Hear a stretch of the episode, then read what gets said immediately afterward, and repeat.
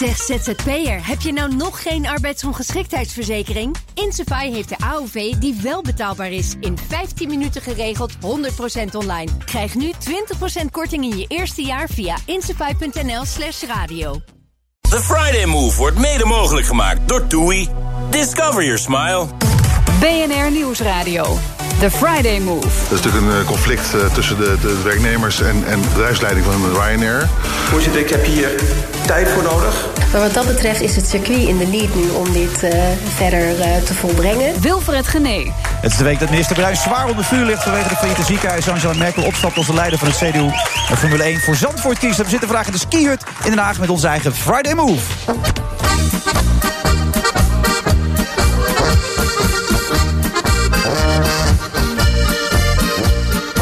Zich. Hij werd geboren als schoonvermeid, maar gaat inmiddels door het leven als Stefano Keizer. Zijn eerste theaterdoel werd met lovende recensies ontvangen. En nu is er ook een boek, althans, dat is hij vergeten, het boek. Maar misschien dat we dat toch nog kunnen bespreken. En hij stond half zeven mijn co-host, Stefano yes. Keizers. We trappen het uh, begin van het skiseizoen af met Sander Jansons hier dus in de skihut. En met deze muziek erbij. Ik vind het nu al leuk. U kunt ook wat komen drinken als u wilt trouwens. Cor is er ook, maar dat had ik misschien niet ga ik moeten vertellen. En de culinaire dwarsheid, uh, dwarsheid komen we natuurlijk tegen met Pierre Wind. Ook hij is hier aanwezig zometeen in deze uitzending van de Friday Move. Thank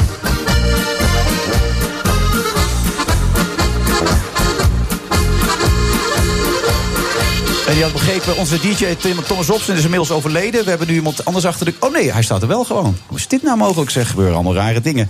En naast me zit Stefano Keizers. Die, die, die moet er een beetje bij komen van gisteren, de boekpresentatie. Het was heel heftig. Ik ben uiteindelijk met IJslanders beland in het huis van Michael Schaap. Dat okay. is de ex-hokjesman. En daar waren weer allemaal tieners die filosofie aan het studeren waren of zo waren met Jenga schepen aan het bouwen en daar waren ze met bongo's omheen aan het dansen.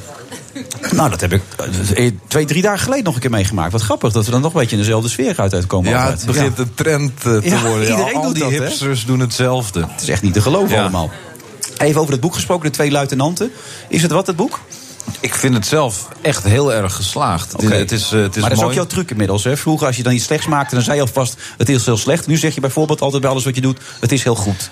Wat heb je niet onthouden dat ik jou ooit heb gezegd? Ja, dat weet ik ook niet eigenlijk. Maar daar gaan nee. we achter komen vandaag. Maar dit is, natuurlijk, het is een heel goed boek. Het is echt een. Uh, nou, het is, uh, het is een hoogstaand litera literair boek. Het is echt weer een nieuwe. Ja, een nieuwe stap in de Nederlandse literatuur. Absoluut, dat kan niet anders. Um, en uh, ja, ik heb het gevoel dat ik ook een nieuwe schrijfstijl heb uitgevonden. Grensverleggend kun je het gewoon meteen noemen, dat boek. Een, een mijlpaal ja, in de geschiedenis. Men, het is een soort bom is ingeslagen, zeg maar, in de Nederlandse literatuur. Nou, dat is, dat is ja, daar kun je gekscherend over zijn. Dat zou ik maar, doen. Echt niet. Uh, nee, ik, ik, ik ben daar eerlijk gezegd serieus over. Alleen ik heb inderdaad in het uh, verleden wel eens uh, toegegeven dat ik verplicht van mijn management positieve dingen over mezelf Nee, maar je hebt ook wel ooit een subsidie aangevraagd omdat jij de kleinkunst ging veranderen. Ja. Voor je theatervoorstelling is niet gelukt. Die, die, nee, die twee, twee, keer heb ik dat gedaan. Ja. Dat is allebei de keren niet gelukt. Ja, maar. Nu, nu zeg je, je hebt, je hebt dat geprobeerd met de kleinkunst. Nu doe je het met de literatuur gewoon. Ja, maar nu... wat. Nee, maar kijk, en dat is echt belangrijk om erbij te vertellen. Dit boek is het enige wat ik ooit heb gemaakt wat niet bedoeld was voor de buitenwereld. Dus dit heb ik echt alleen voor mezelf gemaakt. En ja. voor mezelf doe ik graag mijn best. Mm -hmm. Dus ik maar waarom heb... heb je het niet zo gelaten voor jezelf dan? Waarom heb je dat nu toch uitgebracht? Nou, omdat ik ook nieuwsgierig ben en ik ben wel benieuwd of er inderdaad een soort uh, ja, omslag in de wereld ja. gaat ontstaan. Oké, okay. echt in de wereld helemaal. Niet alleen in Nederland, maar in de hele internationale literatuur eigenlijk. Nou, een van de dingen die me echt te gek lijken is als iemand het gaat vertalen. Want er staan heel veel dingen in die niet vertaald kunnen worden. Ik heb het heel veel over uh, ja, het kruidvat en, en dat soort plekken. Mhm. Mm -hmm. uh, en dat, uh, ja, hoe, hoe, ga je dat uitleggen aan iemand place? in Senegal? Nee? Nee? Ja, het kan wel, maar ja. dan heb je de strekking nog niet. Oké, okay, dat is wel lastig, ja. Ja. Nou, wel, ik ben heel benieuwd. Het is heel goed dat je het niet meegenomen hebt. Lekker.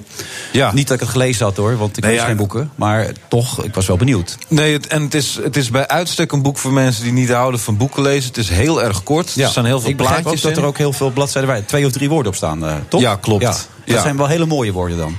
Ja, en juist die leegte, die zegt ook iets. Ja, absoluut. Ja. In dit geval zegt het bijvoorbeeld... Dat de schrijver heel lui is. Oh, Oké. Okay. Nou ja, dat is wel heel leuk. Uh, leuk dan ook meteen. Dat, dat geeft wel een goed gevoel. Het ja, ook een soort rust zeker. Ja, herkenbaar bedoel ik. Maar rust Ja. ook. Dat je denkt, ja, zou ik ook moeten doen. Wat rust pakken gewoon. Niks Absoluut. Doen. Ja, Ja. belangrijk. Ik, ik, ik zou het leuk vinden. Zullen we het eerste uur gewoon voor mij doen? Gewoon en daarnaast? eh, Of, of... Oh, dat vind ik op zich wel spannend. Kijk, je mag me echt noemen hoe je wil. En je mag met Ja? me doen wat je wil. Paardenlul kan ook gewoon en zo, dat soort dingen. Ja, zeker. Ja? Dat is, ik geef wel eens workshops op eh, middelbare scholen. Eh, dan hebben ze zo'n theaterklas of zo. En dan mag er één keer per jaar mag iemand komen... die ze dan op een leuke manier weer wat nieuwe oefeningen bijbrengt. Dan zeg ik altijd van... als je een vraag hebt, dan, dan moet je me aanspreken met een belediging. Anders luister ik niet. Oké. En dat vinden die kinderen ontzettend moeilijk. Want dan moeten ze dus verplicht de leraar gaan uitschelden. En dan plassen ze dus in hun broek en zo... omdat ze niet naar de wc durven te gaan... want ze durven me niet te beledigen. Echt waar? Ja. Goed, man. Ja, dat soort dingen werken altijd. Zodra het verplicht wordt, dan durven mensen niks slechts meer te doen. Ja, maar daar, daar heb je ja van als jongs af aan tegen verzet toch ook al? Nou, Ja. Ook bij je ouders, toch? Wa- waar doel je op? Nou ja, ik begreep dus dat zij bijvoorbeeld dat jij naar een bepaald gymnasium wilde. Dan ging jij toch naar een andere school. Dat je wil niks verplichten. Je wil niet het gevoel hebben dat je dingen moet doen. Nee, dat, dat heb ik heel erg. En volgens mij heb jij dat ook wel. Maar ik, eh, ik kan nog steeds niet omgaan met groepdruk. Dus gisteren op dat feest met al die rare tieners eh, en die Jenga-torens. Ja. Toen op een bepaald moment wilden eh, een aantal jongens dat ik op hun benen op de bank ging liggen. En toen begonnen ze allemaal heel hard te roepen: lig, lig, lig. Dat heb je niet gedaan. Eh, nee, toen heb ik het dus wel gedaan, want ik kan niet omgaan met die groepsdruk. Dus na, na twee minuten zeg van nee, nee, dat doe ik niet, ging ik het toch maar doen. En toen gingen ze zo in mijn, in mijn liesstreek kietelen en zo. Dat was ook heel erg vervelend. Ja, vond je niet fijn? Hou je niet nee, van? nee, dat vind ik, word ik echt heel, eh, heel kriegelig van. Oké. En je ouders waren er ook. hè? Mag, mag ik überhaupt over, vandaag over je ouders praten? Want ze, ze vinden dat lastig, hè? Dat jij in de publiciteit... Ja, ze, nou, ze hebben vooral gezegd... kun je niet een keer iets positiefs over ons zeggen? Zei je nee. eh, Ja? Is niet Toen gelukt. heb ik gezegd van ja, maar ik moet ook het eerlijke verhaal vertellen. En ik moet kaarten voor mijn voorstelling verkopen. Dus dat, eh, Ja. ja, ik, ik zeg altijd wat de mensen willen horen natuurlijk. Dus vooral eh, het kolenhok en het slaan, het komt allemaal weer voorbij vandaag gewoon. Toch? ik, ik hoop van wel, ja. Ja. Dat, eh, kijk, ik moet toch op de ene of andere manier uit kunnen leggen waarom ik heel zielig ben. En daar zijn ouders erg geschikt voor. Maar die waren er gisteren en, en dat was hilarisch. Want op een bepaald moment keek ik achterom en toen zag ik mijn moeder in discussie met Hanneke Groenteman. Oh jee. Die zichzelf had uitgenodigd. En dat vond ik een van de mooiste momenten uit mijn leven eigenlijk. Waarom? Omdat, ja, de, de hemel en de aarde waren één geworden eigenlijk. En wie was daar de hemel en wie was de aarde dan? Nou, voor mij is Hanneke Groenteman wel de hemel. Want het is iemand die ik normaal gesproken wel altijd zag, maar niet aan kon raken. En nu was ze opeens met mijn moeder aan het praten. Ja. En alsof ze al jaren vriendinnen van elkaar waren. Eh, maar zij was een bekende Nederlander die aanwezig was. En wie was er nog meer? Want er moest een bekende Nederlander jouw boek in ontvangst nemen. Er is een oproep gedaan op Twitter of klopt. op Instagram. En wie is er gekomen uiteindelijk? Nou, uiteindelijk is Johan Flemings gekomen. Johan Flemings? Ja, zeker. Kijk aan, wat Ja. goed man. Eh, nou, dat was, dat was echt te gek. En ik had eh, in, eh, in Pauw gezegd dat ik me daar heel erg voor schaamde.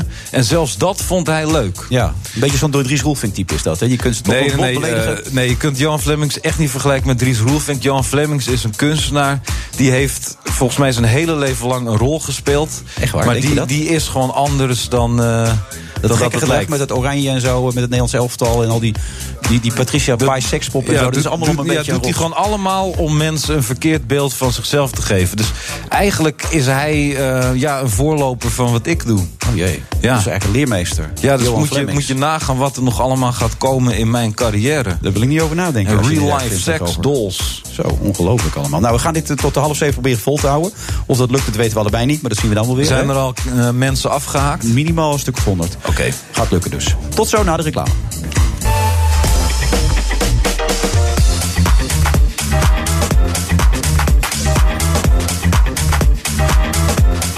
Je luistert naar de Friday Move van vrijdag 2 november. We zitten in de skihut vandaag. Dan kunt u langskomen als u het wilt. Mocht u nog een jas willen kopen of handschoenen of, of een muts. Heb jij nog iets nodig, eh, Stefano? Of, eh? Nou, oh, ik ben mijn eigen jas Gover, was ja. het. Ja. Nee, ja, kijk, dat heb je met principes. Dan, dat gaat meteen mis. Ja, sorry. Dus laat ze gewoon varen. Ja. Eh, ja, ik, eh, nou, ik vind het hier eh, wel gezellig. En ik, ik, ik wil mijn eigen jas terug strakjes. Dus Toch wel? geval. Ja, ik Ja. kan hem niet meer vinden. Dit moet voor jou wel fijn zijn, zo'n surrealistische omgeving, toch? Tussen allemaal jassen een radioprogramma doen. Ja, het is alsof ik terug ben in mijn jeugd.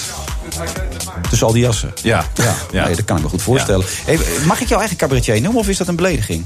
Nee, helemaal niet. Hoe, hoe meer je me cabaretier noemt, hoe meer kaartjes voor mijn voorstelling ik verkoop. Ja, maar eigenlijk wil je het ook weer niet zijn. Want cabaretiers doen alles volgens de geëikte paden. Dus in zekere zin zou je dan een andere titel voor jezelf moeten ontwikkelen. Het gaat er juist om dat ik probeer om die paden weer wat om te ploegen. Ja. Dus um, het is voor mij essentieel dat het nog net binnen de perken van cabaret blijft. Want zodra het niet meer cabaret Oh, is, dan, wacht, dan dan, komen ze niet meer. doel mis. Ja, dan komen maar, de mensen niet nee, meer. maar dan komen de mensen niet meer, maar dan heb ik ook uh, dus ja, mijn grap niet meer voltooid. Want het, het werkt pas wanneer je ook nog net kan zeggen dat het wel cabaret is. Mhm. Dus het gaat altijd om of je. Um, kijk, als het niet meer cabaret is, dan is het alsof het een andere kleurplaat is waar ik buiten de lijntjes aan het kleuren ben. Dus dan, dan telt het niet meer. Dus je hebt toch wel een soort kader nodig. Zeker, en ik moet, ook, ja. ik moet ook zorgen dat het grappig is. En dat vind ik heel erg lastig. Om altijd grappig te zijn. Ja, en om dus verplicht binnen in al die leuke experimenten die ik doe, nog uh, de moeite te nemen om uh, er ook een grap van te maken. Ja, ja die was niet zo grappig. toch? Nee. Nee, Nee, maar dat was ook ja. niet de bedoeling, toch? Of was het wel... Ik, Ik, ja. ik ben al dit hele programma, ik weet niet hoe lang we hier al zitten, uh, maar uh, ik, ik, ik probeer voortdurend het grappige antwoord te geven ja, hier. Ja. maar je blijft zoeken, dus dat doe je goed. Sander Jansen, hartelijk welkom. Goed Ja, dat je er Ja, bent. welkom uh, Ja, in dit helle vuur. Ik vind je wel grappig hoor. Misschien is je droogheid maakt je grappig. Bedankt. Maar Sander kan heel goed slijmen ook. Hè? Die werkt bij een commerciële zender. Ja, dat hoort klopt ook. ook. een beetje zo. Ja. Ook dat, ja. Ja. Eh, eh, Na 15 jaar campinglife, er is nog een ander leven, Sander, toch niet? Ja, zeker. Nou goed, ik heb al tien jaar... Dit is mijn tiende seizoen Snowmakers in al. Ja, maar ik wilde Maar weet aangeven, jij gaf toen aan dat je kapot daarvan was. Dat het echt toch Nou, je heel veel ik- deed. Nee, ja. Eh, Zeker als het Maar 15 15 jaar hetzelfde programma presenteren, maar dat moet je toch niet willen? Nou, dat is niet waar, want ieder jaar is weer anders. De mensen geven je andere energie. Dat is nou jammer. Nee, maar dat is, dat is nou 15 jaar van je leven. Ik bedoel, je bent, ik ben 15 zomers ben ik niet, niet thuis geweest. Op een gegeven moment was ik, moest ik dus de hele zomer doorkomen. Gewoon in, op Scheveningen, maar ik woon hier op Scheveningen. Ja. Dus ik vond het fantastisch. Kitesurfen, lekker ontspannen. Ja. Maar je, je mist het nog steeds. Ja, ik mis het nog steeds. Maar waarom? Wat mis je eraan dan? Nou ja, gewoon de gezelligheid, de, de mensen, het, het, eh, het reizen, het, eh, het aandoen van verschillende landen. En dan daar mensen op, het, op hun leukst tegenkomen. Op een vakantie, dan zijn ze over het algemeen heel blij. Leuke dingen doen. Dus ik zat altijd wel aan de goede kant. Ik, ik kon alleen maar leuke dingen doen en gezellig. En met de kinderen en feest. En, en ja, na de opnames zaten we weer gewoon weer lekker met het team. Dus dat maar ben je beter depressief nu ook? Zit je Nee, helemaal niet. Helemaal niet. Nee, ik ben met andere dingen bezig. Echt wel, echt, echt, echt leuk. Ik heb een leuk format eh, bedacht. Daar heb ik een pilot van gedraaid. Het heeft wel met kamperen te maken, omdat mensen me daarvan kennen. Ehm, daarnaast ben ik ook ongelooflijk blij dat, eh dat Snowmakers in eh, gewoon ja, nog doorgaat. Mhm. En eh, nou, dat heeft ook eh, komend jaar zijn jubileum. Ik geloof 30 jaar bestaat dat programma al. Oh ja, en ik begon van jou gehoord dat je altijd als kind al naar keek, toch? Of Snowmaker zitten, dat was toch een beetje jouw ding, toch? Ja, hoe meer willekeurig het tv-programma is, hoe leuker ik het vind. Ja. Nou, willekeurig. Dit is gewoon skiën. Dit is, dit is één programma, één echt skiprogramma op een Nou, nee, televisie. willekeurig is niet het goede woord. Nee, specifiek. Oké. Dus eh, ik, ik hou heel erg van Railway. Wat, wat Ja. dus alleen over treinen gaat. Ja, en eh, wat dat betreft eh, ja, kan ik me heel goed voorstellen dat, nou ja, dat jullie wel dingen van elkaar af hebben gekeken.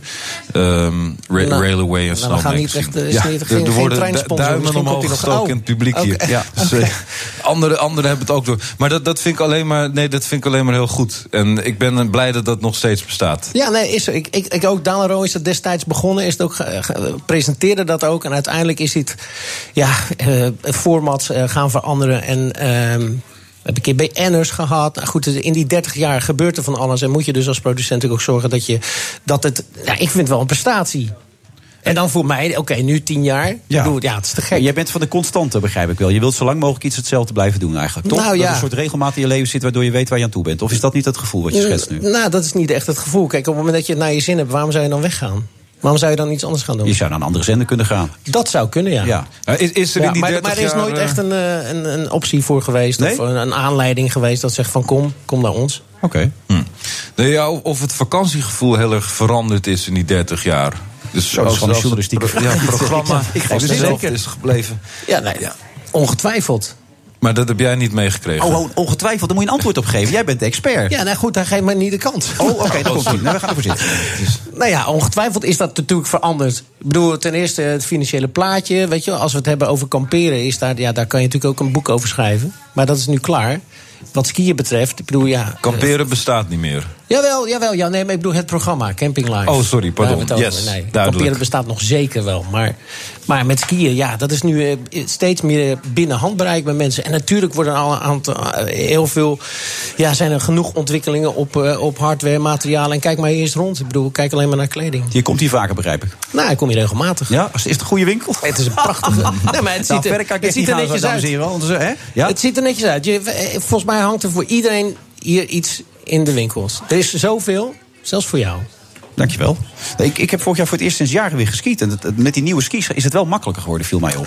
Ja, dat is echt wel een verschil. Want die, die oude lange latten, weet je wel. Ik vloog steeds die Jaravijn en zo. Maar dit ging nog best oké. Ja, ze zijn natuurlijk, weet je, de tip en, en de onderkant zijn iets breder dan, dan het midden. Waardoor er zo al een bepaalde taillering in zit. Dus op het moment dat je hem inzet, hè, een beetje je knie buigt naar binnen of naar buiten, dan maak je automatisch al een bocht. Dus Ja. dan zou je ook kunnen Heb je wel eens geskiet, eh Gover? Nee, ik kom nooit eh, boven op de heuvel. Want zodra je dat touw vastpakt, dan trekt het je naar boven. Ja. Eh, ja, ik weet niet of jullie nog tips hebben, maar ik, ik, kom, ik kom nooit omhoog. Ik, Je, wilt, eh, je, kan, je kan altijd niet even met zo'n stang. Je hebt zo'n stang en die kan je onder je ankerlift. achterwerk Nee, doen. Ja, nee, maar die dat, zijn er bijna niet meer, Nee, ik, ik hang Oh. meteen met mijn gezicht in de sneeuw zo, zo Ja. te denderen en Neem alle een keer kinderen les. lachen. Of kijk een keer naar Snow Magazine.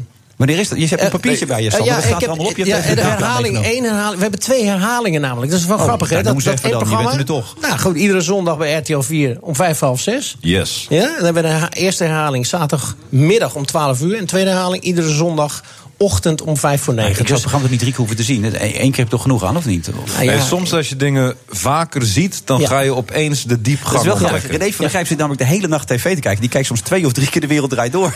Dan zit ik met, maar waarom? Hij zegt, ja, vind ik toch leuk. Ga ik nog een keer kijken. Ja, je gaat toch andere details Ja, dat denk opmerken. ik ook maar heb je niet als je twee keer een film ziet dat je denkt, oh, dat, dat Nee. had ik... Nee? Nee, dat heb ik niet heel snel. Wat goed ben jij dan. Ja, nee, dat bedoel ik er niet mee. Maar Oh. ik, ik vind dat, ben een heel snel veel. Ik wil graag iets nieuws dan weer. Eh, Dus de, de herhaling heb je ook al genoemd. Je was had ook een pilot zijn. Dat heb je die al gemaakt, die pilot ook? Of Eh, ja, die komen? pilot heb ik gemaakt, maar die moet nu nog gaan... eh dat moet ik nog een beetje mee eh, de boer op. Maar je werkt bij RTL, neem ik aan. Dus daar kun je toch. Ja, nee, dat- dat gaat ook gebeuren. Maar, waar gaat het ongeveer over dan? Het, gaat, het is een beetje een mixje tussen Hello Goodbye, Man bij het Hond en Taxi. En, en, en, en Caravan. Ook nog. Ja. Nou goed. Ja. Maar, de, maar, En- ik, en- ik laat. Ik, zijn, laat er, ja? zijn er mensen geïnteresseerd? Heb je al gesprekken gehad? of? ik heb nog geen gesprek gehad. Oké. Want jij hebt ook een pilot gemaakt, toch? Met vrouwen die met jou naar bed wilden, toch? Ja, oh, dat is eh, echt heel slecht afgelopen. Ja, maar die wilden ook echt met jou naar bed, die vrouwen, toch?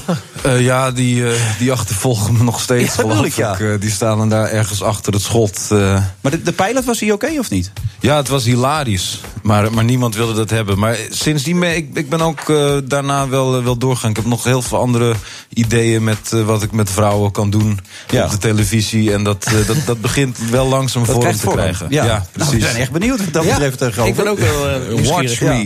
Ja, trouwens, je, maar vroeger- ja, je middenhandsbeentje gebroken, is dat allemaal weer oké? Ja, dat is allemaal oké. ja? Dat is twee jaar geleden, hè? De Oh. afgelopen eh, seizoen. eh, In mijn beleving was dat vorig jaar, maar goed, dat zal wel. Eh, Ja? Ja, maakt Nee, niet uit. Maar je wilt nog iets zeggen, je wilt nog iets kwijt, want je hoort de muziek.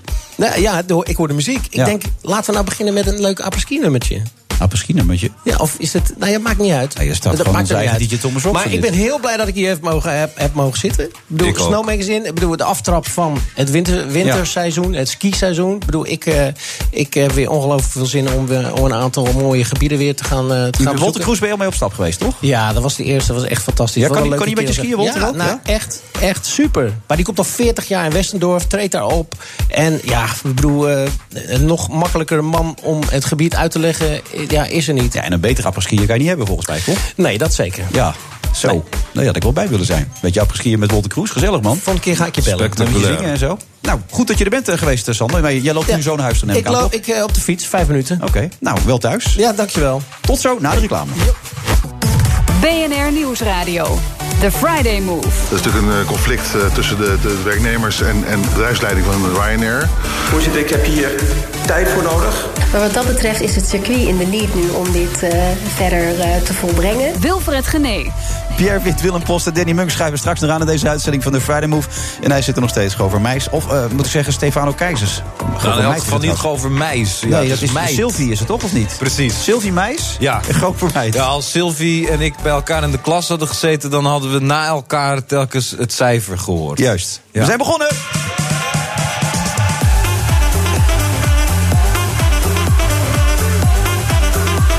Ja, Dames en heren, de skiert is vandaag het decor voor onze uitzending van de Friday Move. DJ Thomas Robson heeft zijn uh, gebruikelijke muziek weer teruggevonden.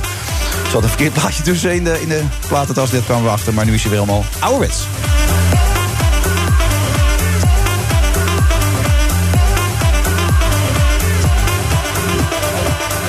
Al moet ik zeggen, eerlijk gezegd, ik vond het best lekker. Dus wat mij betreft mag het straks gerust nog een keer voorbij komen hier in de skiert. Ik weet niet wat jouw voorkeur is op dit moment qua muziek. Ja, hele atonale muziek. Maar dat met Ja? gewoon allemaal rare klanken en eh, pling ploing. je doet wel heel erg je best om dan zo anders te zijn. Het is op een gegeven moment ook een trucje aan het worden op die manier. Ik ben een trucje aan het worden, maar stel je voor dat je dus... eh, je komt thuis van je werk, je zet BNR Nieuwsradio aan... en je hoort opeens allemaal hele rare, krassende klanken... en vreemde dingen eh, zonder ritme. Dan maak je wel wat mee, dan heb je wat te vertellen aan de eettafel. Ja, dat denk ik ook. Absoluut. ik doe het ook voor de mensen. Oh, dus eigenlijk ben je gewoon een publiekspeler. Daar gaat het Ik ben een soort Robin Hood van de atonale muziek. Fantastisch. Je kunt ook nog reageren. Je hebt een Twitter-account, heb ik begrepen. Govermeis dus. Nee, eh, Stefano Keizers. Oké. Stefano Keizers. Ja, at BNN Friday, Move, Ja. Wilfred Gené. Anneloek Solaert, heb je ook een eh, Twitter-account of doe je dat niet aan? Ja, Loekies heet ik. Loekies? Ja. Nee, je, je zit wel bij te schudden met de manier wat, wat heb ik het bedacht. Ik doe er niet zo heel veel mee. Maar nu net een documentaire bijna uitkomt... dan ga ik ineens een beetje spammen op, jou, op Twitter. Ja, ja, Ja. Maar dan heb je toch niet zoveel aan de Loekies? Dat snap ik niet helemaal. Nee. Ja. Ja, nou, dit begint lekker, dit gesprek. Ja. Je bent een documentaire maken, en een goede ook natuurlijk. Eh, In het verleden heb je ook die, die documentaire gemaakt over die jongen die alleen maar rauw en ongekookt voedsel had. Dat wat nogal op eh grote ophef heeft opgeleverd. Hoe gaat het eigenlijk met die jongen op dit moment? Ehm, ja, want ik, ik, ik heb niet heel veel contact meer eh, met ze, maar alleen via mail. En het laatste wat ik heb gehoord is dat hij eh, wel gegroeid is. En de normale lengte, ja, iets, nou ja, ni- niet heel lang, 1,65. En, eh, of 1,68, Hoe oud zoiets. is hij nu dan? Eh, moet ik altijd even heel erg nadenken. Volgens mij is hij 21 nu. Oké, dan is hij Ja. niet zo heel erg. Nee. inderdaad. Eh, Ja, nou, zij vindt, eh, hij is wel gewoon groot geworden. Want het was toen de angst dat hij ehm, echt klein zou zou blijven. En dat is dus niet gebeurd. Maar het laatste nieuws wat ik van ze wist... is dat hij zijn, di- zijn diploma niet heeft gehaald op school... maar nu bij zijn moeder op de markt werkt. Oké. Dat heeft nog wat ophef doen eh, veroorzaken. Hoe heb je dat zelf ervaren in die periode? Gaan we het nou over die film hebben? nou ja, Zo zo- gaat het nou ja, altijd. Ik moet even helemaal terug. eh, Ja, nee, maar ik ben benieuwd jeetje. of dat iets met je gedaan heeft. Ja, ook, nou ja, dat- wat ik, ik, ik kan wel. Wat ik toen echt heel ehm, spannend vond en ook wel een beetje akelig was dat hij toen de film werd uitgezonden, ineens toch uit huis eh, geplaatst ging worden. En toen hebben ze hem aangebeld bij hem. En jeugdzorg heeft al die tijd dat ik aan het filmen was, hebben zij dat niet gedaan. Maar onder druk van, eh, van, van de film Ja, ben ik bang. ja. Ehm, gingen ze hem toch uit huis plaatsen. En toen zijn ze toen een tijdje ondergedoken eh, geweest. Ja. En dat was als, voor mij als documentairemaker best wel aangrijpend. Ook al bleven zij heel erg achter de film staan. Want ik had dan te- telefonisch contact. En dan zeiden ze van ja, we vinden het nog steeds een mooie film. En het, eh, het ligt niet aan jou, weet je wel. Maar Nee. dat, dat ehm, was, was eh, wel eh, ja, heftig. En nu wil je het graag over de beveiligers hebben, voor de duidelijkheid. Ja. De beveiligers van Git Wilders.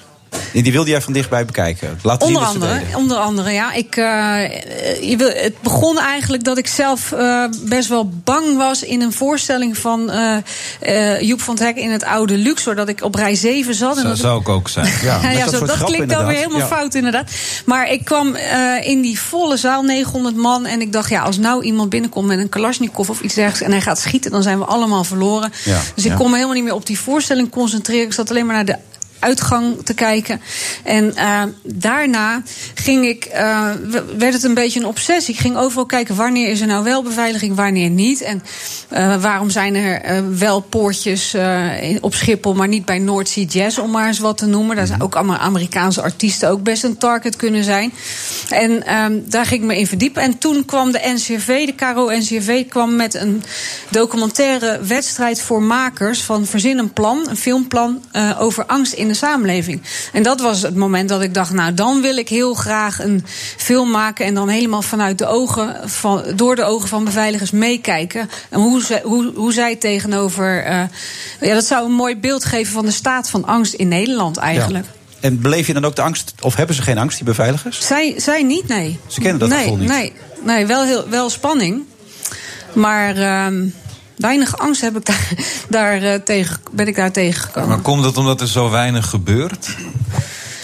Nou, Zijn, nee, zijn want ze een beetje in slaap gesust? Nee, nee ze, zijn, ze zijn echt wel heel alert. Maar ik heb er dus vijf gefilmd en ze, eh, die zijn dan van hoog tot laag. Dus de, de, de, de eerste is, is zeg maar een, een beveiliger in opleiding. En eh, dat is trouwens de enige die terrorisme echt heeft meegemaakt. Want hij komt uit Burundi en zijn broer heeft met een, met een, is met een machete in zijn elleboog. ehm, Juist. Ja, dus eh, hij wilde in is naar Nederland ge- gevlucht toen met zijn familie. En nou wilde hij heel graag wat terug doen voor Nederland om, om het veilig te houden. Echt een hele, heel idealistisch. Mooi verhaal eigenlijk. Ja. En hij eh, ging, deed die opleiding, maar ik wilde ook ehm, echt eh, de top van de beveiligers. En dan kom je uit bij de DKDB, de Dienst Koninklijke en Diplomatieke Beveiliging. En die doen dan bijvoorbeeld het Koninklijk Huis en Geert Wilders. En Maar die wilde wel meewerken aan, dit, aan de documentaire. Nou, dit, zo makkelijk ging het niet. Ik heb echt wel eh, een tijd lang. We zijn, want ik, ik, toen ik de eerste keer belde, zeiden ze: Nou, leuk plan, maar ik geef je echt geen kans. Want we zijn alleen maar heel discreet en willen nergens over praten en zo. En toen ben ik, heb ik gevraagd of ik in ieder geval een keer langs mocht komen. En dan blijkt dus, hè, uit het oogpunt van een documentairemaker, dat er nog heel veel dingen kun je wel over praten. Zij kunnen dus niet over de personen zelf praten. De, de beveiliger die ik heb geïnterviewd heeft het woord, heeft de naam van Geert Wilders zelfs niet één keer genoemd. Zo discreet zijn ze. Maar eh, ze kunnen wel over hun werk vertellen en ook waarom ze het doen. En op- welke manier kunnen ze ten dele vertellen? Hè, ze hebben mij nooit verteld van eh, morgen komen wij om negen uur bij het Binnenhof aan eh, met Geert Wilders. Dat, is- dat is informatie Nee, die krijg dus je gewoon niet. ja, dat, ook. dat Ja. kan niet. Want dan ga ik daar al staan met een camera en dan zou iemand die kwaad wil het al weten. Ja. En wa- wa- waren ze blij om eindelijk een verhaal te mogen doen? Hadden ze, hadden ze veel op hun hart? Eh, ja, ik denk dat, het, dat, eh, dat ze het wel leuk vonden om één keer gewoon te laten, om te, om te laten zien wat dat werk inhoudt. En ze zijn ook, eh, die, de, die Michael die ik heb geïnterviewd, die, eh, die doet het. Want ik vroeg waarom. Hè? Je, ze maken geen onderscheid wie ze beveiligen. Nee, Ze- zijn geen PVV-stemmers bijvoorbeeld. Dat maakt helemaal niet nee, uit. maakt niet uit. Ze beveiligen gewoon die dat nodig heeft. Kan ook een burgemeester zijn. Vraag je van wie beveiligen jullie allemaal? Dan geven ze daar ook geen antwoord op. Want dat is ook allemaal natuurlijk ehm, discreet. Dus maar van Geert Wilders weet iedereen het. Dus daarom heb ik ook gekozen om hem te filmen. Want die, op Twitter vertelt hij gewoon waar hij komt. En dan ging ik daar naartoe. En dan stond ik daar, weet je. Dus dan... eh, Maar wat is de drive van deze mensen dan om dit te willen doen? Die man uit Burundi Ja, snap ik dan nog, maar voor die andere jongens dan? Nou, echt gewoon van. Ik wil, er, ik wil meehelpen, een steentje bijdragen aan onze democratie. Dat, wij, dat die mensen. Ja, zit een hun- idealistische gedachte ja, achter, ja? zeker. En dat die mensen kunnen zeggen wat ze willen. Maar, Hè, maar en het is toch gaf ook als- dat je gewoon lekker de hele dag ergens mag staan en helemaal niks hoeft te doen. Dus nou, maar, ja, maar die, die, die persoonsbeveiliger van, die ik bij Geert Wilders heb geïnterviewd... die is na afloop kleddernat van het zweet. Hè? Zo intens is dat. Hij Juist. komt aan. Eh, dan eh, kom- komt er een hele massa mensen op hem af. Ja, Daartussen kan gevaar verdacht zitten. natuurlijk. Alles is verdacht, tassen, alles. Dus ja, die, die, de, zo, het, is, het, is dus, het is een vorm van topsport En is, bijna. is het beveiligen van Wilders nou de, de top van de ijsberg? Is dat waar ze allemaal in de beveiliging eh, willen belanden? Ik heb ja, bij de, bij de ehm, eh, Hofstad Security hier in Den Haag bijvoorbeeld, waar ze beveiligers opleiden, die vinden dat wel mooi. Die jonge beveiligers die, die hebben wel als ideaal van ja, uiteindelijk wil ik wel dat doen. Het belangrijkste natuurlijk, de vraag waar je mee begonnen. Naar Joep van. Ik kan, ik kan altijd naar Joep van Dijk, maar ik, nee, ik, denk, ik denk dat, eh, ehm, ehm, dat ik wel. eh, die dapperheid van die beveiligers werkt wel aanstekelijk. Maar eh, in grote massa's vind ik het nog steeds wel heel akelig. En laatst zat ik in de trein en toen ging de, iemand met twee handen heel lang tot zijn tot elleboog, weet je wel, in een, in, een, in een zwarte rugzak zitten vroeten. Oh jee, ja, moet dan denk ik. Ik weet niet of jullie dat ook hebben, maar ik denk dan, oh, dat. Wat, wat, Ja, inderdaad. Maar dat is net als die beveiligers. Dat als je gaat letten op. Is er hier iets raars aan de hand? Zie ik iets verdachts? Ja, dan ga je duizenden dingen zien. Dus ik, ik, ja, ik probeer er echt zo, zo min mogelijk mee bezig te zijn. Maar ik heb inderdaad wel vaak het idee van... oh ja, als, als er nu iets zou ontploffen, dan... Ja, maar zou je al veilig genoeg voelen om bij een voorstelling van Goven te komen? Of zeg je, daar ben ik nog niet naartoe. Daar moet ik nog even naartoe groeien, zeg maar. Nee, nou, nou, misschien als ik mijn eigen beveiliger meeneem dan. Ja, ik heb altijd, zodra de voorstelling begint, gaan de deuren van het theater op slot. Dus dan zit je echt met mij vast in die donkere ruimte. Dat, dat lijkt me heel akelig. Ja, daar moet ik aan beginnen. Wanneer is de documentaire? Hij, komt, eh, hij gaat eh, maandag in première. Dan Mhm. komt hij eh, in een aantal bioscopen in het land. En dan uiteindelijk in het voorjaar op televisie. Maar als je, dan, als je hem thuis wil zien, kan je hem op Pickle zien. P-I-C-L. Ja, dat is een heel leuke site. Oké. Dan kan je alle filmhuisfilms kun je gewoon voor 8 euro kun je die gewoon kopen. En dan zie je ze thuis zonder te streamen. Met, of ik bedoel, zonder te downloaden meteen. Pikkel. Pikkel. Goed man, de beveiligers. Van Anneloek Sollaard. Vet. We zijn benieuwd. Pikkel, heb ik dat gezegd al? Pikkel. Ja, dan weet je meteen waar je moet zijn. Tot zo naar de reclame. Dankjewel Anneloek.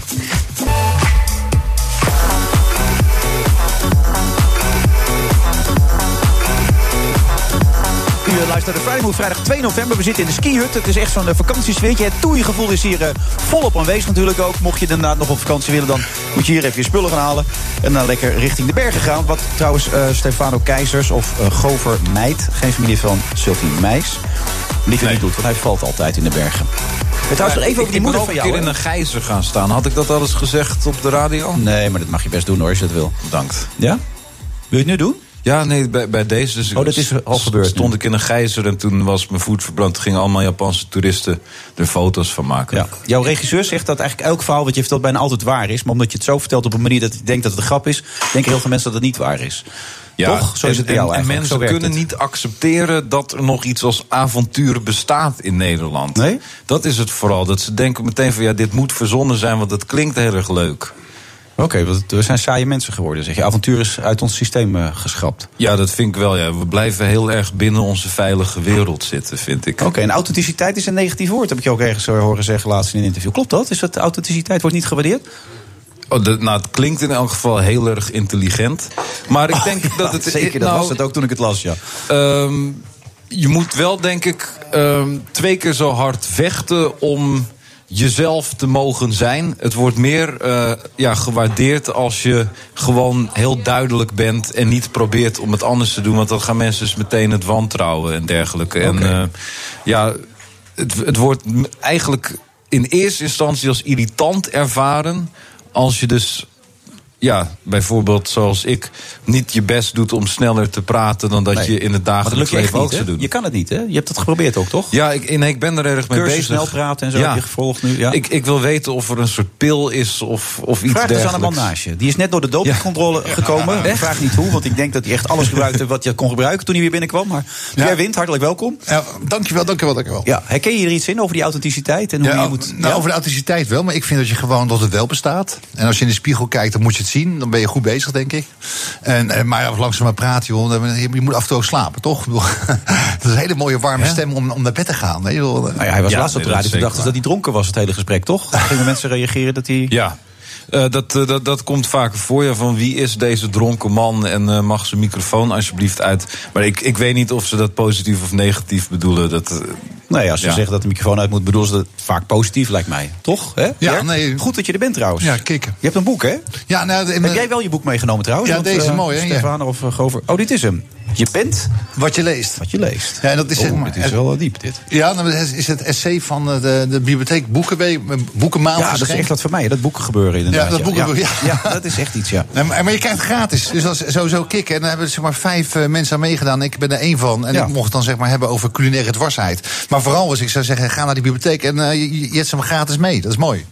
Toch? Zeker, ja. Maar ik heb hem nu toch al bij deze, of niet? Ja, maar je mag hem hebben, ja. Ja? Nou ja, dat scheelt wel een stuk. Culinaire dwarsheid, wat wil je ermee aangeven dan? Ja, wat ik wilde me aangeven is eigenlijk over authenticiteit als je gesproken dan. Dat je vooral in de keuken moet doen wat je wil. Weet je. Je, moet, je, moet, je, je moet niet te vasthouden. Dat doen mijn kinderen ook namelijk. Ja, dat is- flikker alles bij elkaar. Dan zijn ze goed bezig. Ja. Dan, dan zijn ze dus culinaire dwarsheid. Maar Mijn, mijn dochter maakt bijna elke dag toetjes waarvan je denkt: van, hoe komt ze erop? Het is niet altijd dat je denkt van, maar je eet het wel op omdat je denkt: het is mijn dochter. Maar Ja. het is goed, vind jij. Dat ja, moet je en, doen. En, en vooral voor je dochter is het allerbeste wat je kan doen. Als je wil kinderen zeg maar positief opvoeden in smaakbeleving, dan is het natuurlijk wel zo van laat ze in die keuken staan en eh, ja even slikken als het eh, als het niet echt lekker is. Maar daardoor krijgen ze plezier en affiniteit met eten. Maar wat ik vooral zeg maar over mijn ideeën als groentekoffie en zeg maar ik heb een duurzame me- ja groentekoffie ja. Heerlijk. Ja. Ja, maar, ja, nee, maar als je, toen ik dat lanceerde ooit is... dat- Twee bakkies over, ja? Ja, dan, Ja. kreeg ik zoveel mailtjes. Echt van, oh, gozer, wat ben, ben je dronken? Ben, heb je gespoten? Blijf van mijn koffie Kan die microfoon uit? Ja. Ja, kan de microfoon zie je, daar komt het altijd weer op terug. Ja, ja.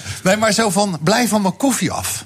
Ja, maar het is helemaal niet bedoeld om jou be- bewust... als jij het fijn vindt, gewoon pure mooie koffie te doen. moet je Ja, het maar vooral doen. Koffie is toch gewoon bonenbouillon eigenlijk? Ja, en daar kan je zeg Ja. maar iets toevoegen. Zo- En zo denk ik, dat is dus culinaire dwarsheid. Maar Gewoon doen. En het is bijvoorbeeld, ik weet zeker, als jij bloemkool, groente, koffie krijgt, dan word jij echt blij.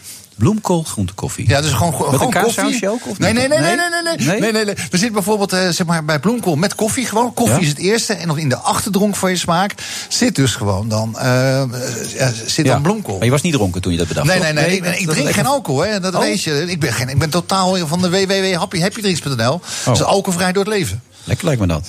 Ja, nee, oh, je wordt- bent altijd nuchter. Mooi Ja, man. Ja, zo klinkt het niet, heb je. Nee, nee, nee, nee. Nee, nee, nee, maar ik leef. Maar ze vragen me, hoe kom je zo druk? Weet je, weet je wat is? Ik leef gewoon op de adrenaline van het leven. Ja, je En vindt het prachtig, hè? Ik vind het prachtig. Ja. En, en, het is ook geen rol, hè, voor de duidelijkheid. Want Nee, je- nee, nee, nee, wanneer nee. je ook tegenkomt, wanneer jou spreekt, altijd zo, hè? Altijd zo. Ja, alleen 's s'nachts als ik zeg maar mijn eigen authenticiteit zoek, zeg maar in bed, dan wordt het wel zo veranderen. Nee, maar bijvoorbeeld over eten is echt mijn leven. Bijvoorbeeld, ik heb een methode bedacht, dat is, is over duurzaamheid. Als je bijvoorbeeld een, een ei kookt, hoe doe jij dat? Een ei Eh, koken. pannetje, water en aanzetten gewoon. Ja, en dan? Wachten vijf minuten. En dan blijft het gas gewoon eh, aan. Eh, daarna bedoel je? Nee, als het Nee. eitje klaar is, doe ik het gas uit en dan Ja, zet ja, bedoel ik. Nou, zeg maar, af, bij ja. een, een zacht gekookt ei is rond de 5, een hard gekookt ei is 8. Stel dat je Zo uit- hard? Ja, acht minuten laat doorkoken. Wat is de methode? Je zet het eitje met water op en als het aan kookt, dan zet je het gas uit of elektriciteit.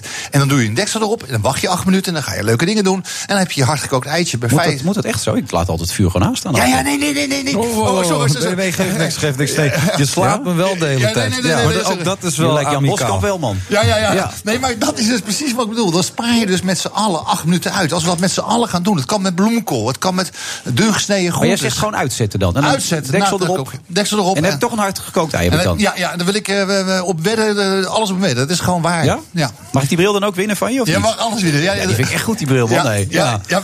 toen ik deze bril zag, toen was ik in de, in de winkel, toen dacht ik mezelf, het leek op een wc-bril. Toen zei ik tegen die verkoper, ik wil die wc-bril. Hij snapte daar helemaal niks van. Maar ik was zo verliefd op die wc-bril, want als ik hem afzet, dan denk ik, hé, hey, dat is een wc-bril. Dat vind ik zo mooi, dat op je Ja. hoofd, weet je, dat is mooi. Ja, jullie zijn wel voor elkaar gemaakt. Ja. Ja, de bril en ik, hè? Ja, zeker. Ja, ja, ja, ja. Nee, maar, het is ook maar- zo... Ik, ik wil toch Oh, even dat hele ja, nee, Wat moet ik met dat ei-verhaal precies? Wat wil je daarmee zeggen nou Nou, eigenlijk wat dan? ik ermee wil zeggen, dat zeg maar, als we dat met meerdere dingen doen, zoals broccoli, wortel, noem maar op, dan zijn we zo duurzaam bezig. Dat scheelt gewoon bijvoorbeeld bij het ei, met één ei al, acht minuten gas Maar gebruiken. ik, ik kook meestal vier of vijf eieren tegelijk. Dat is Ja. toch wel weer heel duurzaam dan, of niet? Dat ik vijf eieren achter elkaar Maar als jij dat van wilt, is het, nee, eh, voor mij mag alles, weet je, dat met culinaire Maar dwarsheid. eh, voor de duidelijkheid, dat, dat kan dus bij alle groenten enzovoort gewoon... Met vlees, pasta, pasta bijvoorbeeld. Pasta, gewoon deksel erop uitzetten. Ja, gewoon als het aan de kookt. En eh, je moet van tevoren even geroerd hebt, deksel erop. En dan heb je na eh, acht, negen minuten heb je gewoon pasta. Maar hangt wel af waar je de pasta koopt. Koelpasta is sneller gaar. Ik bedoel, als je het zelf maakt. ja, ja. Eh, gedroogde pasta duurt langer. Dat heeft gewoon te maken met substantie. Maar die kennis, om dat in eten te vertalen. Ja, ik, ik heb echt geen seks, Wilfried. Ik vind dit leuker dan seks. Dat meen ik Je serieus. vrouw luistert nu zeker, of niet? Ja, die weet het. Oh, oh die, ja, die is gewoon bekend. Dat Ja? Ja, die is bij. Nee, maar serieus. Hebben jullie wel kinderen, of niet? Eh, heel, heel, heel oud al. Oh, oké. was voor deze, eh, Voor- ja, voor deze ontdekking. omkering. Ja. Maar nee, maar het is echt zo. Koken, dat heb jij er volgens mij ook met je, met, met je opvoeden. Toch van dat je er eh, verband mee hebt. En als ik aan het koken ben, praat ik met die tomaat. Ja? En wat Ja. zeg je dan zoal? Nou, wat ik, nou, nou, het klinkt misschien nu een beetje gekkig allemaal Nee hoor, elkaar. het helemaal niet gek nee, maar dat is niet de bedoeling. Ik dacht dat Stefano dit soort verhalen moest Ja, vertellen. ik maar heb, jij ik heb heel gewoon. lang gepraat met stoplichten. En dan op een bepaald moment gingen ze ook eerder op groen. Ja. Als ik, als ik elke keer Maar- dankjewel Even zei. die tomaten nog. Jij praat met je tomaat en Ja, dan... je, je kan aan die tomaat zien in welke fase. is- hè, Is die geschikt voor gewoon vers op te eten, mooi? Of Ja. geschikt voor de soep? Of geschikt voor een sausje?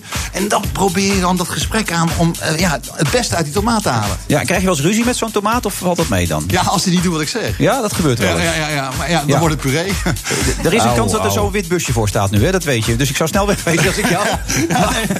Maar eh, dat is belangrijk, culinaire dwarsheid. Dat heb je ook in dit boekje Ja, geschreven. ja, ja, ja. Dat moeten we eigenlijk allemaal een beetje gaan betuigen. Ja, maar gewoon doen wat je wil. Weet je, gewoon wat- jij Ja, denkt niet bij... zo- zijn de meest briljante gerechten ontstaan. Je hebt toch al die verhalen van die sauzen, die Worcestersaus. Dan heeft iemand gewoon maar wat troep in een ton gegooid. Was het drie jaar kwijt, vond het weer terug, proefde het. En het was een hele lekkere saus. Dus volgens mij als je inderdaad gewoon elke dag willekeurige dingen bij elkaar in een pan gooit... dan op een bepaald moment komt er een dag dat je een briljant gerecht uit Ja, hebt of dat je met de voedselvergiftiging eh, het leven laat natuurlijk. Dat zou ook nog kunnen. Ja, Maar nee, maar veel dwarsheden bestaan, wat hij ook wat, wat, mijn tafelgenoot zegt, Ja. is namelijk bestaat gewoon Geen veel van uitvindingen dat eh, nee. nee, uit, uit dwarsheid.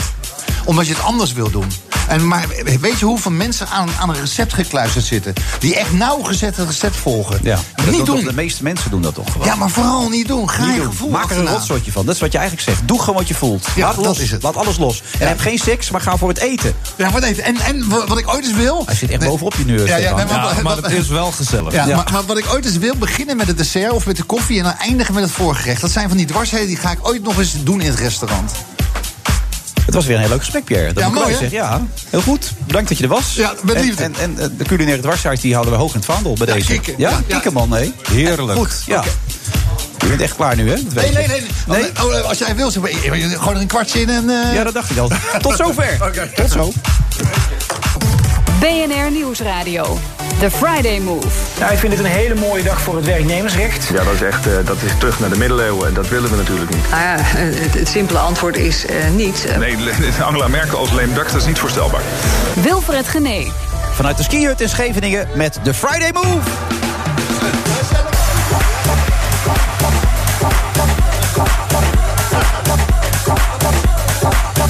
Vraag is natuurlijk wie is Stefano Keizers nou echt een dorpsgek of een, genie, of een genie?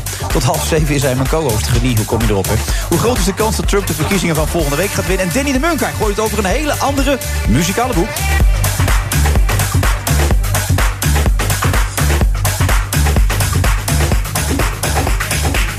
En zo meteen schuift Frank Wals ook nog aan. Eh, hij onthulde het verhaal van de Casting met Job Goschalk. En hij gaat alles over MeToo vertellen. Maar eerst natuurlijk eh, Stefano Keijzer. En natuurlijk die vraag, een dorpsgek of een genie? Wat zou je er zelf op willen zeggen? De vraag blijft maar komen. Vandaag gaan we erachter komen. Eh, ik, ik denk dat je eh, het allebei een beetje moet zijn om jezelf eh, in, ja, om iets te vertellen te hebben, laat ik het zo zeggen. is zo'n zin waar je eigenlijk niet weet waar je naartoe wil. Hè? Dat Ja, zei je aan het begin tegen mij. Dat zei ik inderdaad zin, vlak voordat Ja. we begonnen. Dat eh, een van die vervelende dingen van het langzaam praten is dat soms zet je een zin aan en dan voel je al aankomen dat je hem helemaal vast gaat lopen. Maar omdat ik zo langzaam praat, duurt het ook heel lang voordat ik bij die afgrond aan ben gekomen. Ja. Dus dan, dan eh, voel ik me al twee minuten. eh, Dus eigenlijk een auto-ongeluk ja. te komen. Dus Ja. die angst die die al voelt. En dan toch weet je, jij kan er niks aan doen. Ja, zo'n auto-ongeluk op zo'n heel langzaam eh, betonwagentje of zo'n asfalt. Ja, je kan niet meer terug. Maar toch zou je zeggen, juist door dat lage tempo heb je alle gelegenheid om die zin goed af te laten lopen, toch? Nee, want zo gaat het met dingen. Als je, als je eenmaal een richting op gaat in het leven, dan is het heel moeilijk om dan nog binnen zo'n zin af te wijken. Oké, dus je moet het van allebei een beetje zijn. Dat is wat je eigenlijk wilde zeggen. Ja. In je programma Erg. Heel is authenticiteit ook een belangrijk thema. En ik had een van die, weet je, je hebt hele goede recensies gekregen. Echt leuk om te lezen ook. Maar een, Nice. van, een van die recensenten schreef ook van... dat thema had wel iets verder uitgediept mogen worden. Kan je wat met die kritiek? Ik kan nooit iets met kritiek, maar ik ben er wel verslaafd aan. Ik weet niet. Eh, kijk, wat, wat het een beetje is. ehm, wat is authenticiteit volgens jou? Ja, dat, dat, dat, kijk, daar, daar wordt het inderdaad heel ingewikkeld. Dat is eigenlijk, zegt die recensent, is van... Ja, je, je had nog meer jezelf moeten zijn eh, dan dat je al was. Ja, of het thema nog verder proberen uit te leggen. Ja, jij hebt een interview gegeven met je ouders. En dat is, daarom Ja. begon ik zo straks ook over je ouders. Ja. Die in een volledig sociaal isolement eh, verkeren, eigenlijk jouw ouders. Er komt nooit iemand eten, er komt nooit iemand op bezoek. Nee. Jij bent eigenlijk voor je moeder, heb je ook al gezegd... de loverboy, de wijkagent, de vader, de zoon. Je bent eigenlijk Ja, alles voor ik ben er alles, dat klopt. Dus dat zij op dat eh, gelegenheid waren gisteren was ook al bijzonder. Toch? Ja, maar dat is ook. Ik ben altijd eh, de reden voor mijn ouders geweest om de deur uit te gaan. Dus eh, ik heb ze de, de kunst- en de cultuurwereld eh, in, in geholpen. Ja, je vader heeft zelfs gezegd dat het een van zijn leukste dagen was... toen jij de eh, eh, kleinkunstprijs in Amsterdam had, toch? Kleinkunstfestival. Ja, want toen wist hij definitief dat hij mij geen geld meer hoefde te lenen. Dus Oh. dat was een enorme opluchting. Dat scheelt ook een stuk. Maar Ja. terug naar die authenticiteit. In Ja. dat interview komt naar voren dat authenticiteit bij jullie in het gezin centraal stond. Dat is heel belangrijk. Ja. En dan zegt jouw vader op een gegeven moment: niet conform zijn is iets waar we altijd ons best voor hebben gedaan. Maar juist dan ben je toch niet meer authentiek. Want dan ben je toch steeds bezig om te kijken hoe je het anders kan doen om maar anders te zijn. Kijk, dat maakt het heel ingewikkeld. Want zodra je ermee bezig bent, is het al niet meer echt. Maar ik denk. Ik denk wel dat het ging over het proberen zo, eh, ja, zo echt mogelijk te blijven. En dus niet te snel mee te gaan in de hype.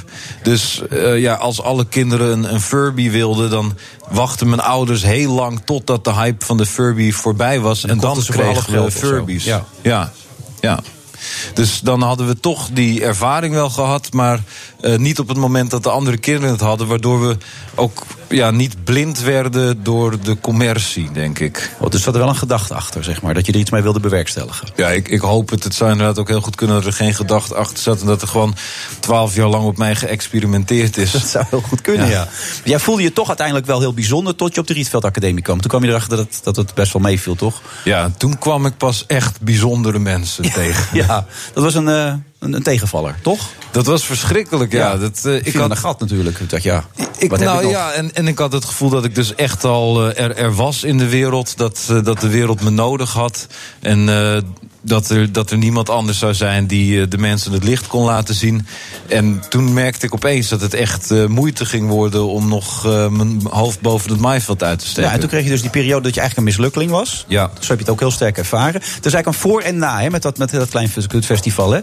De mislukkeling is uiteindelijk omgetoverd tot een zeer succesvol cabaretier... die het mislukt zijn als, als, als commercieel tool gebruikt. Want ik ging inderdaad, terwijl ik op mijn kamer zat met mezelf in discussie over ja, wat, wat kan ik nou? Wat heb ik nou toe te voegen op de wereld? Wat heb ik in al deze jaren dat ik niks heb gedaan, nou gedaan wat ik kan verkopen? Toen dacht ik, ja, voor heel veel mensen is juist die leegte waar ik in zat, is iets wat ze nooit gaan meemaken. Dus dat willen ze misschien wel weten. Ja, dus je gebruikt je leegte eigenlijk om iets te vullen. Ja. Daar komt het eigenlijk Oh, mooi. Die is mooi. Ja, je bent die schiet- poëtisch die schiet er vandaag. zo uit op zich. Maar je bent dus nu geen mislukkeling meer. Je bent nu geslaagd. Je bent nu aan de goede kant van de streep. Ja, en dat maakt het natuurlijk ook wel weer triest. Dat, het, eh, dat ik zelfs het mezelf zielig voelen is me niet tot het einde gelukt. Zo moet je dat eigenlijk zien. Dus Ik kan, kan niet eens meer klagen over dat ik zoveel pech heb gehad in mijn leven. Dus je gaat het over een tijdje kapot maken. Je gaat verschrikkelijk aan de drugs en alcohol. En dan kom je er groot terecht en dan kun je weer opnieuw Nee, ik ga alleen nog maar commerciëler worden. Dat vind ik veel spannender. Dus ik, ik, ik hoop echt dat ik over twintig jaar nou ja, zo, zo plat ben als een dubbeltje. Zoals wij met vee zijn bijvoorbeeld. Zo. Of bedoel je dat niet? Ah, ik denk dat er nog wel wat grenzen je overschreden kunnen worden. Daar, Dat ga ik beter doen, let maar op. Over meid. Juist. Stefano Keizers. Geen familie trouwens van Sylvie Meijs. Tot zo.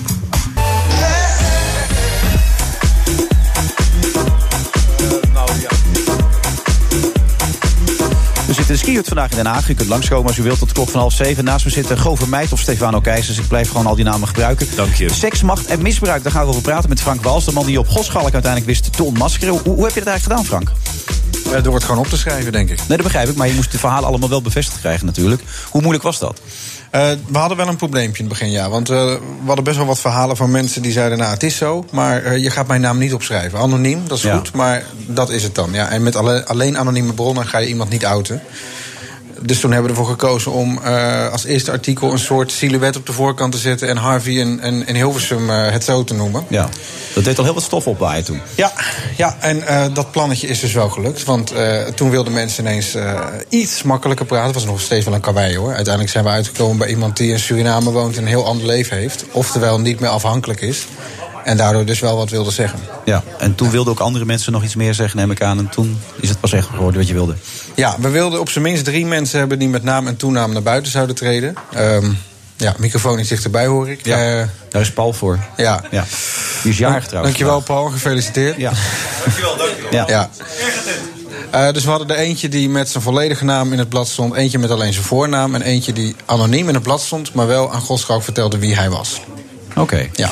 En dan, dan lees ik van de week dat zijn advocaat zegt... hij heeft niets strafbaars gedaan. Wat, wat, le- wat denk jij dan als je dat leest? Ja, ik zou als advocaat ook niet zeggen... hij is hartstikke schuldig. Nee, dat snap ik nog wel. Maar wat is, Ja. wat is het gevoel dat bij je opkomt dan? Ja, weet je, het is lastig. Wat is strafbaar en wat is eh, ethisch eh, eh, onverantwoord? Eh, die, die scheidslijn is misschien een beetje dun. Maar, Ehm, maar had je verwacht dat ze eerder zouden toegeven dat er iets mis was? Dus vanuit die kant is ze niet per se schuldig, maar wat minder er agressief tegen in te gaan. Ja, ik, ik denk dat ze de lange adem gaan hebben. Ik bedoel, dat heeft Goschalk al een jaar lang gedaan. Hij heeft een jaar lang heeft hij het volgehouden om niks te zeggen. Dus waarom zouden ze er nu ineens vaart achter zitten? En dan nog, hij wordt gehoord omdat het, eh, het wordt hem verplicht om iets te zeggen bij het OM. Als, als hij daar zelf wat voor kunnen kiezen, had hij het denk ik niet gedaan. Toch heeft het heel, wat, eh, nou, ja, heel veel negatieve publiciteit voor hem opgeleverd. Sommige mensen zijn het voor hem gaan opnemen. Paul de Leeuw onder andere en Katja Schuurman. Begreep jij dat trouwens? Dat die mensen het voor hem opnamen? Ik kan me dat voorstellen vanuit een vriendschappelijk punt. Ik, zou ook niet weten wat ik moet doen in zo'n situatie... waarin ik een heel goed contact met iemand heb... die dan zo slecht in het nieuws komt. Maar ja, het is wel tricky. Want ja, voor je het weet zijn er dingen gebeurd waar jij geen weet van hebt... en dan sta je later in de toekomst voor lul. Want zo'n filmpje wordt natuurlijk nooit meer gewist. En dat is denk ik ook de reden waarom mensen heel snel al het contact met de buitenwereld kwijtraken zodra, zodra ze in zo'n verhaal terechtkomen. Ja. Dus ik, ik, kijk, ik vond het ook wel heel aardig van ze dat ze dat deden. Maar het, het- ja, het, het maakt eh, je leven een stuk gevaarlijker. Wat vond jij ervan dat ze deden? Nou, ik denk als je het in het beginvorm opneemt, is het nog iets anders dan dat je dat nu nog doet. Nou, dat je alles weet, bedoel je? Ja, nee, maar nu we een jaar verder zijn. Want in het begin zeiden mensen ook van, nou, sommige mensen dan, eh, hij hoeft niet per se uit zijn functie als een aanpak maar verandert. Dat hoorde ik toen wel eens. Mhm. Maar diezelfde mensen zeggen nu, ja, heeft een jaar lang een middelvinger opgestoken door gewoon niks te zeggen en niks te doen en nergens te verschijnen. Dus wat heeft hij nu eigenlijk nog te zoeken in dit wereldje? Ja, zie je hem ooit nog terug hier in dat wereldje dan? Nou ja, ik hoor ook dat hij er nooit uit is verdwenen. Dat hij in een Juist, soort ja? adviserende rollen nog steeds aan sommige touwtjes trekt. Of dat waar is, weet ik niet. Maar Nee, want die had een boerderij in Friesland en daar was je uit gevlucht, begreep ik. En ze konden hem niet meer vinden en zo. Maar... Ik heb aangebeld, hij was niet thuis. Nee. Eh, ik heb, ben naar Deventer geweest en naar Naarden waar hij zou zitten. Daar was hij ook niet thuis. Dus waar hij wel zit, dat, eh, dat weet niemand. Nee, aparte wereld dit. Nou ja, daarom heb je dit boek, dit boek ook geschreven. Seks, macht en misbruik. Ben je geschrokken? Met de dingen die je bent tegengekomen? Nou, vooral de intensiteit. Eh, dat als, als er nee wordt gezegd, nee, kom op nou. Nee, doe nou. En de, drammerige en de, eh, het- doorzettingsvermogen van iemand die toch wel wil krijgen wat hij hebben wil. Maar ik heb het ook breder proberen te trekken door de zorg, de sport en de horeca erbij te, te halen. Branches waar ook wat vrijer gewerkt wordt met elkaar, wat aanraking. En om bijvoorbeeld te noemen uit de, de zorg, eh, daar staat iemand met een verhaal in over een meisje dat een overdosis heeft eh, gehad omdat ze een zelfmoordpoging had gedaan. Is binnengebracht, ehm, heeft het wel uiteindelijk overleefd, maar heeft een tijdje in coma gelegen. Maar de arts heeft daarboven gestaan, streek door haar haren en zei: Ja, toch jammer, want het is wel een lekker wijf. Echt waar? En dan is natuurlijk de vraag: krijgt iemand zoiets mee of niet? Maar los van die discussie, Ja. waarom zou je dat doen? Ja, absurd inderdaad. In welke wereld is het meest tot, je gekomen waarvan je echt bent geschrokken? Waar, waar gebeurt het het meest? Of is dat moeilijk in te schatten? Ehm, de, de, de cijfers tonen aan dat met 35% de zorg er met kop en schouders bovenuit steekt. Met de horeca daar vlak achteraan. Maar wat we het meest gehoord hebben is natuurlijk de entertainmentbranche. En eh, dat komt denk ik omdat dat series raakt en films raakt en bekende Nederlanders raakt die wij dagelijks op televisie zien. En daardoor eh, wat meer tongen losmaakt. Toch komen we even terug op die pilot voor jou dan. Want dat was toch serieus bedoeld? Dat vrouw die echt met jou naar bed wilde, daar zou je dan een tv-programma mee maken, toch? Ja, want ik was oprecht benieuwd wat er nou achter de mensen zit... die dus nadat ze me een keer op tv hebben gezien... me berichten gaan sturen met verzoeken of ze met me naar bed mogen. Dus ik, ik wilde die vraag ook heel erg specifiek gaan stellen aan die vrouwen. Ehm, maar nou ja, ik, ik, ja het, het probleem was een beetje dat... eh, dat, dat ze eigenlijk nog, nog veel brutaler waren dan ik ooit had durven verwachten. Dus het was meer, meer me toe naar jou toe eigenlijk. Ja, maar kijk, zo nou, ik, ik, ik denk, eh, ehm, ik, ik denk dat prostitutie en theater maken sowieso heel dicht bij elkaar ligt. Ik bedoel, men- mensen betalen geld om naar mijn lichaam te mogen kijken. En ook in een zekere zin daar een soort macht over te hebben, wellicht. Dus zo, zo, zodra er een kaartje verkocht is, eh, moet ik doen wat die mensen willen in die zin van het woord. Eh, maar ik, ik merkte wel dat ja, zo- zodra je in de publieke ruimte komt en mensen herkennen je gezicht, dan, dan hebben ze wel op de een of andere manier een, ja, een, een algemeen gevoel van oh, dan, dan ben je ook een beetje het bezit van mensen geworden. En dat kan intimiderend zijn of dat kan ook te ver gaan.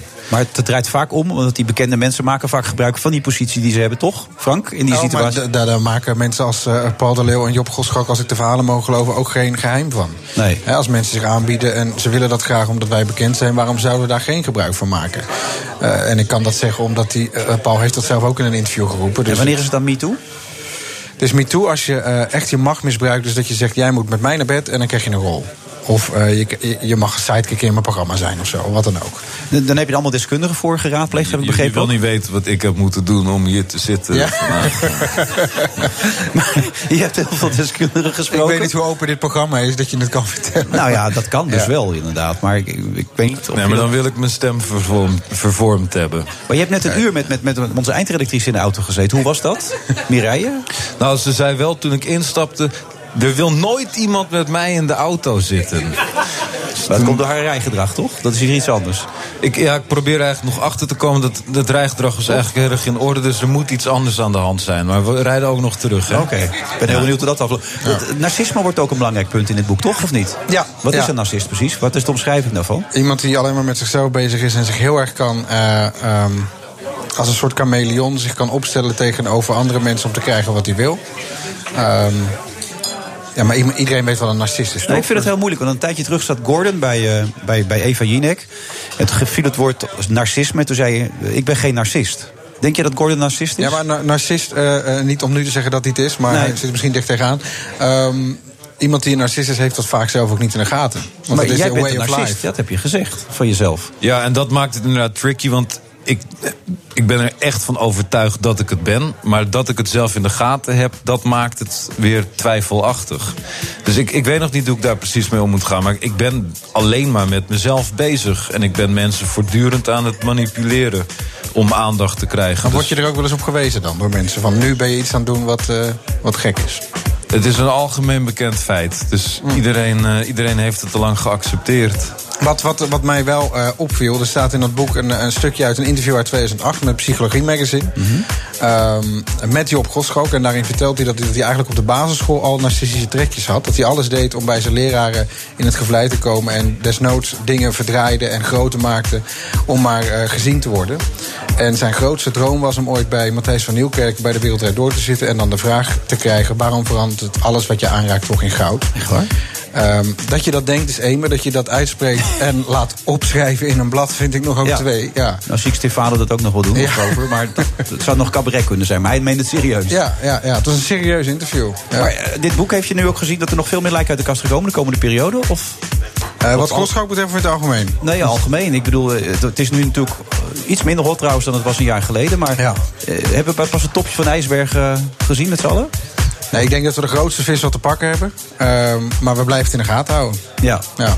Maar het gebeurt meer dan we met z'n allen denken. Dat is wel duidelijk. dit Ja, en, en er is een patroon in. In welke branche het ook gebeurt, je ziet dat mensen vaak de, de soort predator behavior hebben. eh, eh, eh, om mensen stap voor stap, stap voor stap voor zich te En winnen. dat zit altijd in of ontwikkelen ze dat naarmate ze op een hogere positie komen? Nou, ik denk dat het altijd wel in je zit, ja. Maar dat je dat meer laat zien op het moment dat je het kan doen. Oké, dan gaat met veel plezier lezen, Frank. Frank Wals, seks, macht en misbruik nu, overal. Betere boekwinkels, slechtere Betere boekwinkels. boekwinkels. En jullie staan er trouwens ook nog in met VI. Omdat eh, oh. we hebben natuurlijk dat moment in Boulevard gehad... dat Bo de brief scheurde. Ja? En toen deden jullie hetzelfde. Ik heb gelijk Bo geappt met dat filmpje. Hij moest keihard lachen. Ja. En dat staat heel kort beschreven in het boek. Nou, dat eh, Ja. is nu alweer een hoogtepunt in mijn leven. dit. ja, dat pak ik gewoon even mee zo op die vrijdagmiddag 2 Ja. november. In de skiën tussen de jassen. Bedankt, eh, Frank. Succes. Ja, graag gedaan. We gaan zo weer verder in deze uitzending van The Friday Move. BNR Nieuwsradio. The Friday Move. Dat is natuurlijk een eh, conflict eh, tussen de, de werknemers en, en de bedrijfsleiding van Ryanair. Voorzitter, ik heb hier tijd voor nodig. Maar wat dat betreft is het circuit in de lead nu om dit eh, verder eh, te volbrengen. Wilfred Genee. Trump-supporters staan nog altijd vierkant achter hem. Gaan de Republikeinen de tussentijdse verkiezingen van volgende week winnen? We vragen het zo meteen aan Willem Post.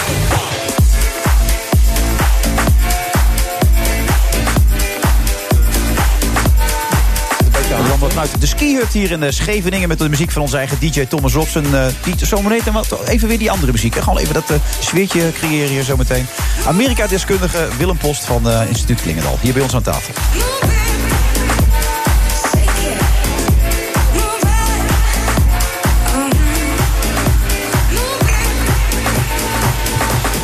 En naast hem nog steeds Gover Meid. Althans, Gover zat er en, en Willem is erbij gekomen voor de duidelijkheid. Dat we wel weten wie waar is gaan zitten en hoe het eigenlijk werkt. Klopt, en we zijn in het tweede deel van het programma, dus nu mag je me weer Stefano. Stefano nu weer, ja? Ja. Is dat beter? Voelt het ook anders dan meteen? Merk je ook een ander gevoel bij jezelf dan? Ik merk meer iets, een ander gevoel bij jou. Dat, dat je toch tegen Stefano aardiger bent dan tegen Gover. Ja. Die ook Ja. geen familie is van Sylvie Meijs. Dat hadden we even Nee, bedacht. Dat- ja, dat klopt. Is Willem authentiek, denk jij?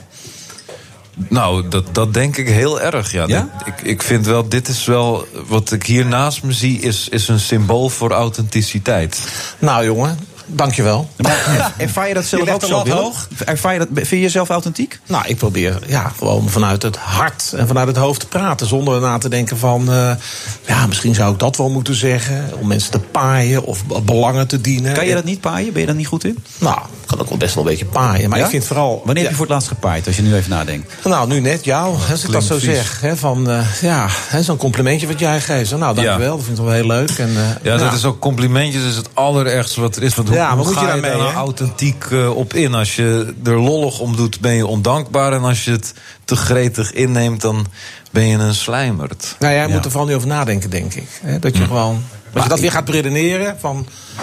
Ja, hoe mooi is dat? Hoe leuk is dat? Hoe aardig is dat? Ik Ja, denk dat je zit gewoon nu in de file en ik denk, waar gaat dit in hemelsnaam over? Maar het is altijd even belangrijk om het voor jezelf Ja. even weer helder te krijgen. Want je zegt, ik doe het uit het hoofd en het hart. Het raakt je nog steeds zoveel? Wat, waar, waar jij over praat, waar je veel mee bezig bent? Ja, absoluut. En het is een land, ja, daar raak je aan verslaafd. Ik bedoel, Amerika, dat was in mijn jeugd al. Jaren 60, 70. Kennedy, ook mijn moeder had in de linnenkast zo'n foto van John F. Kennedy. Martin In de Luther King. linnenkast? Ja, heel veel Nederlandse eh, gezinnen hadden een foto van John F. Kennedy... eh, die ze dan na zijn dood ook bewaarden in de linnenkast voor de eeuwigheid. Want ja, zo'n president zou er nooit meer komen als John F. en Kennedy. waarom in de linnenkast? Nou ja, dat, dat is denk ik een veilige plek. In die wat meer ouderwetse gezinnen van destijds. Dan kon je dat, eh, nou ja, misschien later aan je kinderen geven, je kleinkinderen eh, doorgeven. Want John Aha. F. Kennedy, dat was de president waar ja, de Ja, hele wereld maar toen wist niet iedereen dat het een hoerenloper was... en dat hij met de maffia en Nee, dat, is later toch? gebeurd. Ja. En eh, ja, maar toch, dat is een beetje zoals Trump misschien ook wel. Ik heb het met mijn ouders er ook wel eens over gehad. Want die verhalen na een jaar of vijf of na een jaar of tien na zijn dood. Ja. eh, kwam dat. En zei ik, nou, eh, jullie waren zo in John F. Kennedy. En, maar dan bleef dat toch overeind. Ze zei, ja, nee, al die verhalen, dat kan allemaal wel zo zijn. Maar toch, dat was nou een president die ons inspireerde. En, Ja, en dat, dat is ook grappig. Dat inderdaad iedereen die voor die MeToo-streep eh, president was... Die, die kan met als wegkomen. Want volgens mij zijn al die Amerikaanse presidenten... hebben toch Ja. zo'n soort eh, denk carrière gehad. Ja, 80, 90 procent. Misschien Ja. de brave Obama, ja, die kreeg geen kans. Hè. Michelle, die, eh, die hield hem ook eh, zo vaak thuis. In het Witte Huis moest hij ook in het appartement s'avonds komen. Als het maar even kon, Ja, dat hij klokken niet ook, hè? Klokken ook. Niet- ja. Prikklok zo, je bent er weer. Hij mocht ook niet roken, hè. Dat deed hij af en toe op het balkonnetje in een vorige huis. En, nou ja, hij werd nogal streng. eh, Je hebt het over een man die volledig onder de plak zat, als ik het zo hoor. dat voor de meeste mannen geldt, maar die komen er niet voor uit. Maar, maar Dus, is dat eh, beter ja. als je president van Amerika bent? Dat, dat de vrouw je in de teugels houdt? Nou ja, ik vind wel dat je als president eh, natuurlijk ook wel een beetje macht hè, moet, moet, moet hebben. En het is natuurlijk, weet je, de wereld is natuurlijk geen Disneyland of Efteling. Hè? Dus kijk, eh, een beetje harde politiek moet je ook kunnen voeren. Er zijn een hoop boeven in de wereld. Dus zo'n smeerlap als Trump is eigenlijk een hele goeie. Nou ja, het bruggetje waar, wat, wat we nu slaan. Nou, weet je, ik heb vaak genoeg dat ik denk: jeetje, dat kan absoluut niet wat Trump doet. Maar let op, hè. Ik bedoel, wat er in Rusland gebeurt, wat er in, in de Filipijnen gebeurt, wat er in China gebeurt. Ik kom net terug uit Amerika. En er is natuurlijk heel veel kritiek op Trump. Maar als je dan bij het Witte Huis rondwandelt. Hè, en, en je ziet wat in Amerika eh, altijd nog kan. Dat mensen demonstreren. Dat er een, een vent staat voor het Witte Huis met een bord van. Hier achter mij zit een klootzak in het Witte Huis. Dan denk ik van nou. Ik bedoel, met alle kritiek die er op Trump is. Hè, Amerika is nog steeds echt een democratie. En dat, dat, dat sneeuwt vaak onder, omdat mensen dan direct zeggen: van ja, maar die Trump die doet dit, die doet dat. Van week stond er ook ergens een artikel, ik weet niet welke krant, maar zo stond vooral de media is tegen Trump. Het volk valt best wel mee, is dat zo? Nou, in Amerika. Bedoel je in Amerika? Ja, in Amerika, ja. Ja, maar als je natuurlijk in, in ja, als je even Washington verlaat en je gaat Virginia in, of je gaat naar het Heartland, zoals het genoemd wordt, ja, daar heb je natuurlijk de hele Fox-bubbel. Zoals je in de grote steden zoals New York en Washington en LA. Ja, jeetje, dat is allemaal MSNBC en CNN en de New York Times en de Washington Post. Maar op het platteland leest bijna niemand. Ik sprak iemand in Minnesota die zei: Ik ben de enige hier, geloof ik, die een abonnement op de New York Times heeft. Want ja, dit is, dit is een heel ander land bijna. De Ja. twee Amerika's hebben we nu. Hè? En daar is hij populair. En dan hebben we de midterms. Kun je even precies uitleggen wat dat inhoudt voor de mensen die daar. Ja, dat zijn eh, de congresverkiezingen in Amerika. En eh, nou, dat is iedere twee jaar. Hè, dan wordt een derde van de Senaat gekozen. En het hele Huis van Afgevaardigden. Zeg maar even voor het gemak de Eerste en Tweede Kamer. Vaak hebben we daar niet zoveel belangstelling voor. Want dat is een interne Amerikaanse gelegenheid. Alleen nu, met zo'n hele bijzondere, ja, controversiële president als Trump. Ja, de hele wereld kijkt naar dinsdag. Ik zit, Nieuwsport is een groot event, bijvoorbeeld dinsdagavond. Komen honderden Nederlanders op af. Dus alleen al hier in Den Haag, maar overal in de wereld kijkt iedereen Moeten heel ons daarvoor schamen dat we in Nederland er zo mee bezig zijn? Nee, dat denk ik niet. Want weet je, de Amerikaanse president is de machtigste man op aarde. En dat heeft natuurlijk hele grote gevolgen voor, voor de rest van de wereld. Dus ik vind het niet zo gek dat we veel aandacht aan besteden. Ik praat een beetje uit mijn eigen staartje misschien. Hè, dat je denkt, nou jeetje, je hebt ook wel belang bij dat je vaak dan moet optreden. Maar is het uit het eigen straatje of in het eigen straatje? Vanuit het eigen staartje. Vanuit In het eigen straatje. Oké. Hebben we een Neerlandicus? Ik Nou, weet het het wel. is maar in de buurt van het straatje geval. Ja, Ja. er is een straatje bij betrokken, Ja. dat weten we. Dan, eh, dan moet je even de voetbalanalyticus uit gaan halen Ja. natuurlijk. Wat je moet nu gaan voorspellen. America Inside. Ja, American Site met Willem Post, hartelijk welkom. Ja. Willem, zeg het maar, wat gaat er gebeuren? Ja, nou, ik denk dat de Senaat. Al die peilingen zie, die neem ik met een korreltje zout. Maar ik ga er maar een beetje mijn eigen gevoel eh, af. Ik denk dat de Senaat in Republikeinse handen blijft. Misschien zelfs nog wel één of twee zetels erbij. Het Huis van Afgevaardigden. Nou, je wil misschien getallen hoor. Ja. 25, ik zeg 30 zetels ongeveer voor de Democraten erbij. Ze moeten er 23 minimaal hebben om een meerderheid te krijgen in het huis. Dus, lang verhaal kort, dan krijg je een, een, een door de Democraten in meerderheid beheerst Huis van Afgevaardigden. En Republikeinen behouden de Senaat. Ja, dan zou je zeggen dat is voor Trump dan eh, ja, toch wel een beetje een tegenvaller. Dat is voor Trump wel een beetje tegenvallen. Ja, die zet natuurlijk hoog in. Hè. Die zegt, nou ja, ik ben een fantastische campagnevoerder. Stond ik maar op dat stembiljet. Want dan Mhm. zou iedereen sowieso op mij gestemd hebben, heeft hij gezegd. Nou, eh, ja, het is dan toch... Even voor mijn plaatje, hoe zat jij bij de verkiezingen trouwens? Wat had jij ingevuld van tevoren? Nou, ik heb gezegd... ehm, Wel even je credibility nu neerzetten. Ja? Dus ik heb gezegd, het is een Heb je soort... geld gewonnen met, nou, met de toto? nee, dat niet. Nee, nee, maar ik durfde toch niet zo'n held ben ik dan ook weer niet. Hè. Ehm, nee, wat ik gezegd heb is... Het is echt een nek-aan-nek race. Het is een soort wielerwedstrijd. Hillary eh dendert op de finish af. Maar de laatste bochten, dat kennen we van de Tour de France natuurlijk Ja, ook in de Giro. je kijkt om je schouder en dan zie je inderdaad Donald Trump aankomen. Ik denk dat het een banddikte verschil wordt. Maar ik denk dat Hillary het net nog gaat redden. Oké, dus, dus, verschil. dus deze voorspelling hoeven we helemaal niet serieus te nemen. Wel, want ik Oh, heb- oh, je oh, kunt ook wel. zeggen, Ja. de, de popular vote. Ja. Hè, de meeste stemmen gingen uiteindelijk naar Hillary. Maar hoe je het went of keert, het Amerikaanse... wat Maar zit er niet iets in dat in beide huizen op een gegeven moment misschien republikeins zouden kunnen? Dat geloof je echt niet? Nou, hallo, eh, ik ben, er staat hier geen kristallen bol. Nou hè? ja, maar je wordt hier wel uitgenodigd Ja, als natuurlijk. uh, instituut Klingendaal deskundige natuurlijk. Ja, hè? nee, er ja, zit wel even zou iemand. kunnen, alles zou toch kunnen. Maar Nee, drie maar daarvoor dagen... zit, zit, daarvoor zit Willem hier. Hè? Ja, nou, we hebben nog drie dagen te gaan. Vier dagen, dat is een eeuwigheid. En vergis je niet, hè. Er kan van alles gebeuren. En eh, je hebt ook de bescheiden Trump-kiezers... die tegen opiniepeilers helemaal niet zeggen dat ze voor Trump stemmen... en het uiteindelijk toch doen. Is- dus, is Ameri- mark my words, dat kan ook nog, hè. Ik moet je zeggen, dit was echt een Johan Derks analyse. Wacht, wil ja, je vaak één- op één iets is op een Hans hele Kraai, vraag en- uitkomt. en En- heel kort Hans Kraai weet ook veel over Amerika, hè. Ja, dat is een Amerika, dus Amerika deskundige Ja, deze ik heb zomer. een ja. concurrent erbij. Ja. Een vriend erbij. Ja, zeker. Eh, Stefano? Is Amerika democratischer dan Nederland? Nou, ik vind dat vaak. he- ik, nou, ik vind dat vaak heel erg onderschat wordt. Dat mensen zo vaak zeggen: ja, de autoritaire leider Trump. Weet je, demonstraties, eh, directe verkiezingen, districtenstelsel. Dus hè? ja. Antwoord is ja. Toch had ik voor jou heel andere vragen van. Ligt er, ligt er veel zand in, het, in de Senaat op de grond of zo? Weet je, dat soort dingen had ik meer Dat weet ik moet je naar allemaal al. bruine Ja. kroeg in Washington. Nee, die zijn er ook. Daar komen ook politici. Daar ligt zand. Daar ligt zand in de keihard afrekenen Oké, deze week we Ja, jongen, doe dat. Ja, we zitten te kijken met z'n allen. We hebben ze eh, genoteerd. Al die Dus, eh, flauwekul. En de laatste cijfers, hè. 250.000 banen erbij in Amerika deze maand. Trump gaat het uitspelen. Is dubbel hoeveelheid van, vergeleken met vorige maand. Ja, jongens, dat telt ook in een en dat zijn niet de keihard naweeën van Obama. Dat is allemaal te danken aan... nou, aan weet je, je kunt zeggen de eerste maanden, de eerste jaar, dat was nog dankzij Obama. Maar, nu is het allemaal Trump. Fair play. Je kunt niet na anderhalf jaar zeggen, zelfs wat langer, van dit komt allemaal door Obama. Nee, ik bedoel de belastingverlaging. En dat moet je ook durven te zeggen. ik vond het erg authentiek, Willem. Bedankt daarvoor. Het ligt allemaal Nou, genuanceerd. Eh, dankjewel en ik zal er niet over nadenken wat je zegt. Oké, heel graag. Willem Post, instituut Klingendal. Tot zo, na de reclame.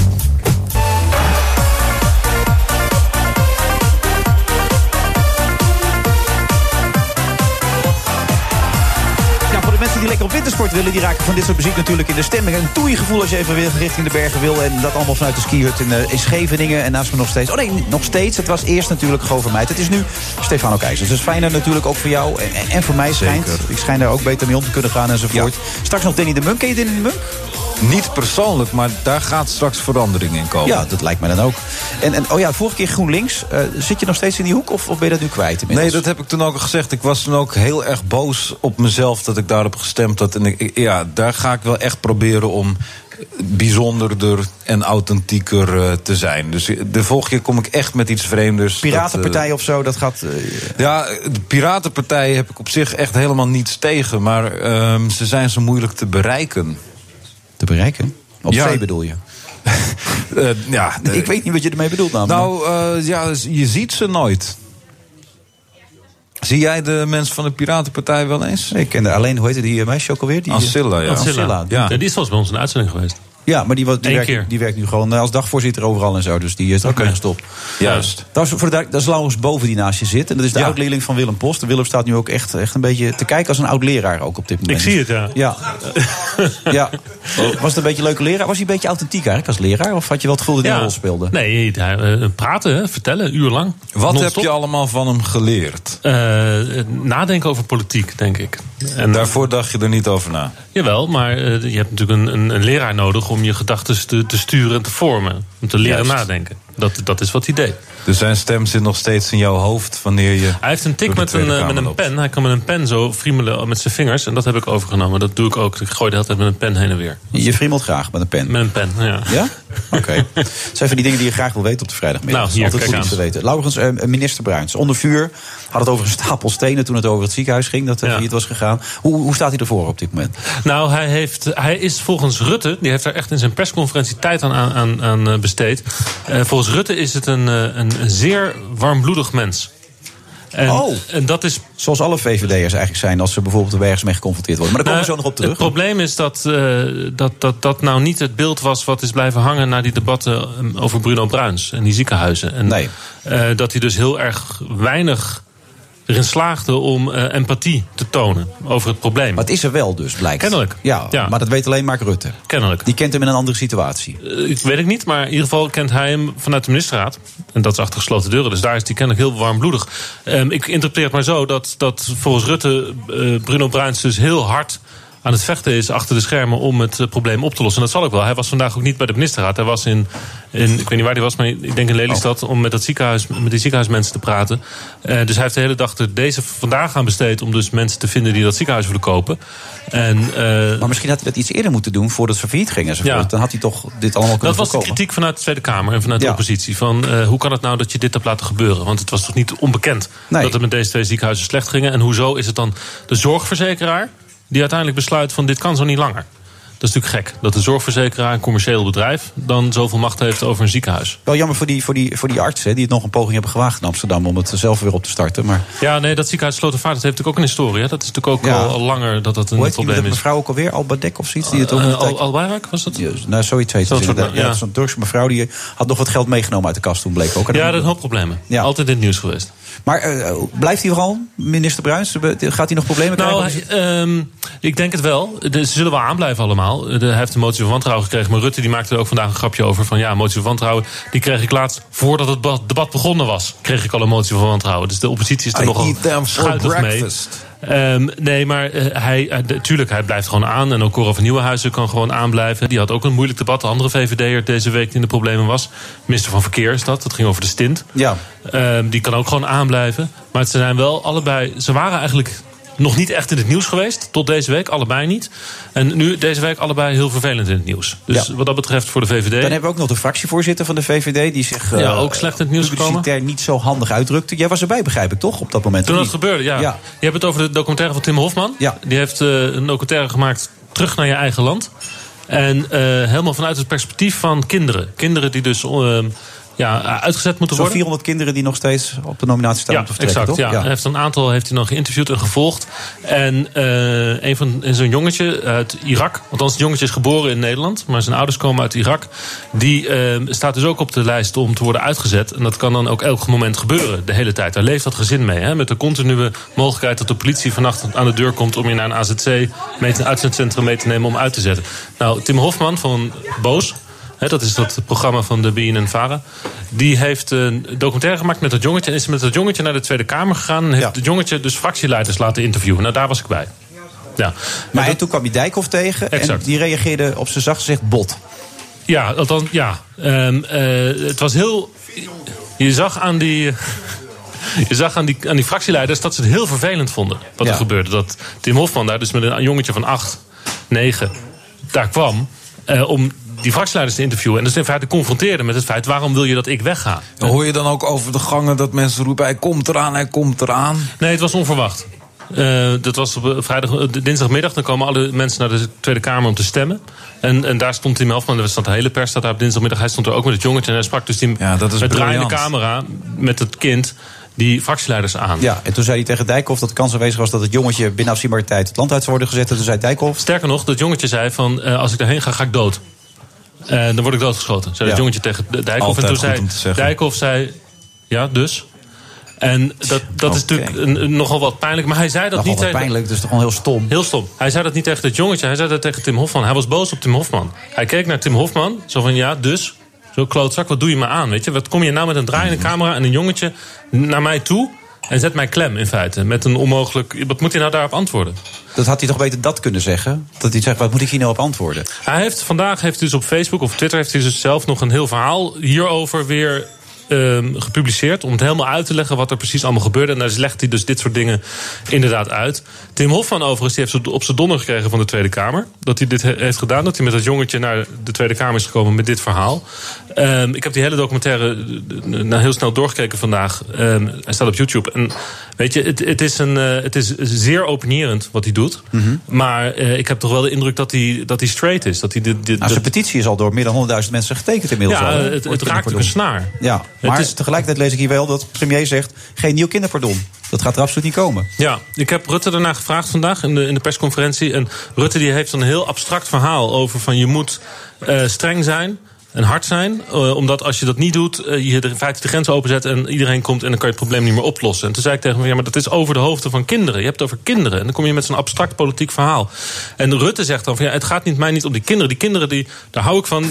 Daar gaat het, het gaat om de ouders. Hij spreekt in feite de ouders aan en hij zegt: de ouders van die kinderen zijn onverantwoord door hier in feite met die kinderen, die kinderen valse hoop te bieden. En ehm, het is voor de politiek natuurlijk een onoplosbaar probleem. Het zijn 400 kinderen.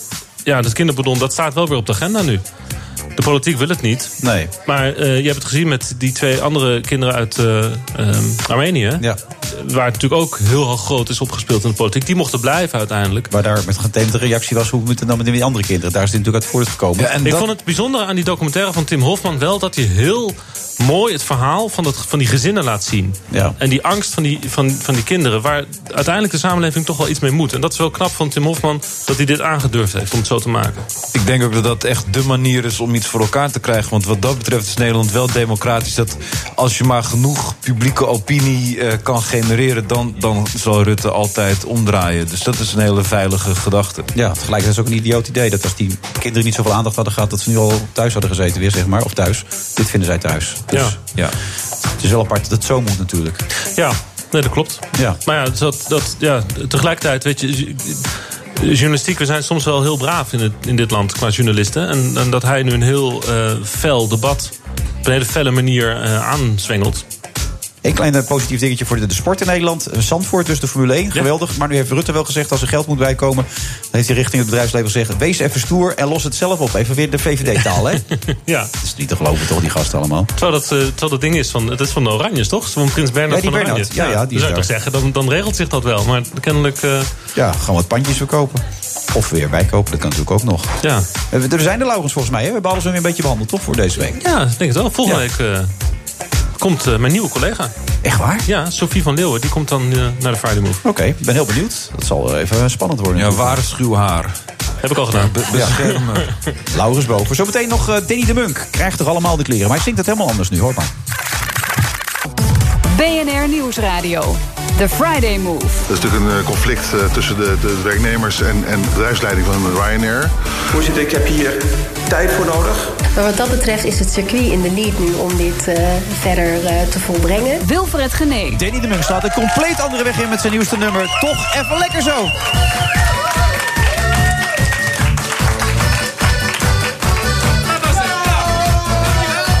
Ja, dat was hem zeker inderdaad. Het laatste half uur van deze uitzending. De Friday Move. Met het gewilde niet geloven als u later inschakelt op de beats van onze eigen DJ Thomas Robson. Op die ronde moet. Eigenlijk als men naar Duits kan, dan vind ik het al goed. Als ze vragen hoe heet je, zeg je mijn naam is Hans. Zo, dat is lekker uh, gemixt dit. Ja. Ja, dat is één, één volgens mij hier in deze uitzending. Heb jij dit gezongen? Ja, Nee, wat denk je zelf? Goed man, eh, Danny dit. Lekker joh. Ja, ik ben lekker bezig in mijn carrière. Het nieuwste nummer van Danny de Munk, dames en heren. Dat klonk echt leuk. Jij was het ook niet, Stefano? Voor zover ik weet niet, maar je weet nooit wat ze met je stem doen, hè? Met die IJslandse mannen van gisteren weet je niet wat er gebeurt. Precies. natuurlijk. Ik weet niet waar- waar het geëindigd is. Daar maar gaat zeker nog een staartje aan, eh, aan, aan vastkomen. dat is duidelijk inderdaad. Danny de Munk. Danny, ben je een beetje authentiek? Ben je een beetje echt? Nou ja, goed, als je zingt eh, al honderd jaar geleden... krijg je allemaal de kleren, val van mij allemaal dood... dan weet ik niet of je dat nog eh, hoeft toe te voegen, toch? Oké, dat is authentiek, vind je dan, als je dat doet? Nou ja, ik sta wel altijd, al laat ik zeggen, als ik... eh, ja, ik zeg wel dingen die altijd op mijn hartje liggen, op mijn Ja. tong liggen. Ik bedoel, Levert je ook wel eens wat gedonder op? Ik kan me ooit herinneren, Joop van Ende. Nou, dan weet iets- je ook dan weet Ja. je dat het zo is. Ja, toch? Dan was het Ja, dan weet- handig. Dan weet je dat zo Dat is weer helemaal goed, hè, begrijp ik. Helemaal, ja, jullie zijn weer vrienden, Met die toch? oude meisje is alles weer goed. Ja, die mag zelfs ouder zeggen, dus dan zit het helemaal goed. Nee, wij proberen erachter te komen wat authentiek nou precies is. Dat is eigenlijk een beetje het thema, een beetje. Nou ja, die niet met een massa meeloopt. Nee, maar ik heb- begin wel een soort patroon te ontdekken. Dat we dus allemaal het gevoel hebben dat we ehm, nou ja, zeggen wat we willen zeggen, niet met de massa meelopen. Dus misschien is het dan juist weer authentiek door wel met de massa mee te gaan. Want wat dat doet, is blijkbaar niemand. Heel veel schapen. Heel veel, Dat vind ik je een schaap juist. Dat je Ja. volgt wat een ander doet. Nee, maar, want dat, kijk, waar het volgens mij, wat de kern is, is dat je niet moet schamen voor wie je bent of wat je doet. Dus het maakt niet uit hoe vaak jij mij hier eh, zit eh, aan te spreken op eh, mijn manier Sylvie van praten. Ja. Of op Sylvie Meijs Ja. voor hetzelfde geld, waar ik ook inderdaad jeugdtrauma's aan over heb gehouden. Ik, ik blijf gewoon me goed voelen over mezelf. En dat vind ik heel authentiek. Dus jezelf zijn. Dat Ja. is het. Precies. Maar dat was ooit anders, hè? Voor die winst van die, van die Kleinkunstfestival voelde je je vaak helemaal niet goed over jezelf, toch? ik voelde me niet goed over mezelf, maar ik was toen misschien nog wel authentieker dan nu. Toen deed ik echt helemaal geen water bij de wijn. Toen, eh, ja, en ik schaamde me ook niet per se, maar ik was gewoon heel ongelukkig. Ja. Nou ja, dan weet Ja. je dat nu dat het niet hoeft. Je bent nu ontzettend gelukkig en het gaat heel goed met je. Denk Ja. je van waar deze stap bij jou dan? Wat, wat, wat was de onrust die jou dreef om op 48-jarige leeftijd te denken... en nu gaat het anders? Nou, het, is geen, het is geen onrust geweest. Het is, mijn carrière is altijd links, rechts, onderboven geweest. Ja, er was een tijdje. Je sprak ook ABN op een gegeven moment. Je Ja. zong ook ABN. Ja, dat komt ook. Nee, maar dat komt ook natuurlijk 12 was. Ik denk dat er maar twee mensen waren eh, die als kind zijn begonnen. Eh, dat zijn Jan Smit en ik eigenlijk. Dus je carrière door iets te, op te bouwen. Eh, was een, eh, een onderdeel was inderdaad theater. En op een gegeven moment kan je niet met een Amsterdamse, Amsterdamse Heintje accent. ook nog. Maar ga door. Ja, Ja, maar, Scherp. Ja, oké, dat is waar. Maar eh eh, Heintje is natuurlijk iemand die uiteindelijk wel is. verdween. Ja, Ja. eerlijk is eerlijk. En eh, met alle respect voor Heintje. Dus jij bent eigenlijk de Michael Jackson van Nederland. Nou, qua dance moves misschien wel, ook Nou, nog in de toekomst. ja, nee, die zijn indrukwekkend. Ik heb het net nog even gekeken. Ja, nou goed. Nee, dat is echt, echt heel goed. Dat meen ik. Maar van waar dan? Waar, waar, Nou ja, ik doe eigenlijk tien jaar geleden al toen, eigenlijk toen dance misschien wel 15 jaar geleden naar Nederland kwam. En Duncan Stutterheim was eigenlijk de, een van de eerste met IDT. Die begon al in de jaren 80 met of housefeesten eigenlijk, Thunderdome en dat soort dingen. Maar dance is denk ik van de afgelopen 15 jaar. En wij zijn natuurlijk marktleider qua eh, DJ's en Chesto, nou Martin Garrix, noem ze maar even op. Op een gegeven moment dacht ik, tien jaar geleden, verdomd alleen, en dat merkte ik al vrij snel. Heb je inderdaad een soort remix, dat bestaat al. Je begint oldschool, de jaren tachtig, zo iedereen verdomd eh, alleen gewend is. Uiteindelijk bij de refreinen deed ik een dance beat er al onder. Toen ben ik in mijn carrière wel eens meer gevraagd door eh, Nicky Romero mee te vliegen. eh, en ook, ook af te sluiten, het Olympisch Stadion. Oh, niet alleen meevliegen dus. Nee, alleen Nee, ook zit je nog- daar, ja. nee, Ook daarom. gezellig. Weer- Ook gezellig. Ja, wodkaatje Nee, maar erbij. ik- Ja, nee, ja, niet kwaad vliegen. Nee. Maar wel, nee, we mochten inderdaad afsluiten toen. En dat was fantastisch. Nou, Party Squad mee opgetreden. Dus eigenlijk is het altijd wel parallel geweest. Maar jij claimt toch zelf dat Nederdance toch een beetje nu? toch? Dat is Ja, jouw... ja, ik, ben de- ik ben ook echt de eerste. Het rare is dat er eh hip-hop heb je, eh, urban, dat is Leeuw Kleine, Maan, eh, Ronnie Flex. Maar dat gat tussen 20 en 60 Ja. die is best wel immens. Terwijl op festivals zie je gewoon mensen met een ding in hun mik, echt een, een wereldtijd hebben. Dus dat grappige. Ook waar- bedoel je? Ja, Ja. ja, een ding in je mik. Ja, nee, Ja. probeer me even en ja, dat is waar. Kapucijnes noem ik het ook wel eens. Ja, maar goed, nee, maar de DJ's ook inderdaad. Die zijn ook al wat ouder. En ik had zoiets van, ja, toch is dat vreemd dat er geen zangers en zangeres is. Wat je net hoorde, bijvoorbeeld echt skihut. Ja. Dat is er al lang.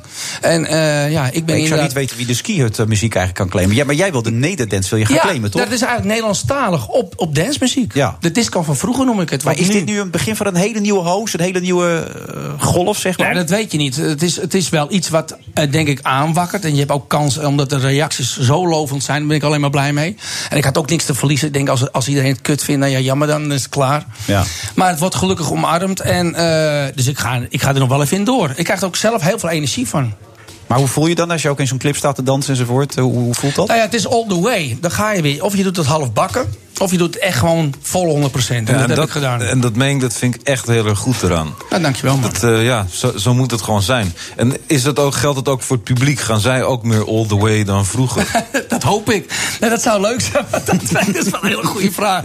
Nou ja, dat krijg je ook. Er zijn ook mensen die zeggen... nou, ik heb liever dat je levenslied zingt. Dat gebeurt ook. Want ze willen de hele avond op een stoeltje zitten.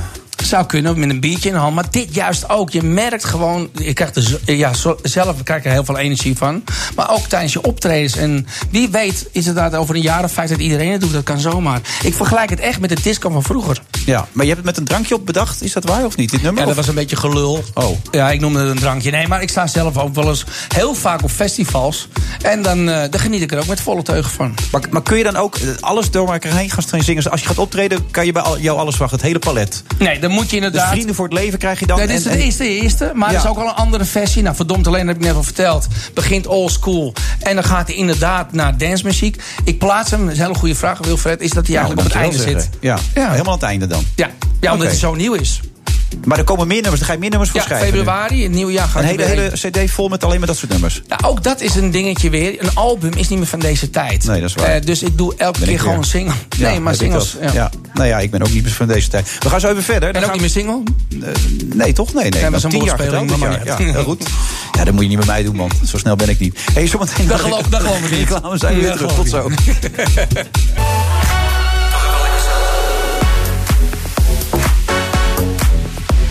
zitten in de absolute slotfase van deze uitzending van de Friday Move. 2 november in het jaar 2018. We zitten in de skihut in Scheveningen. En ik vind het mooi om te zien dat, dat, dat Stefano Keizers en Danny de Munk het zo goed met elkaar kunnen vinden. Terwijl het qua genre niet direct het- hetzelfde is, hè? toch? Hè, heren? Nou, ik vind dat we ongeveer dezelfde doelgroep hebben. Toch wel, hè? Ja. En het zijn hele interessante verhalen.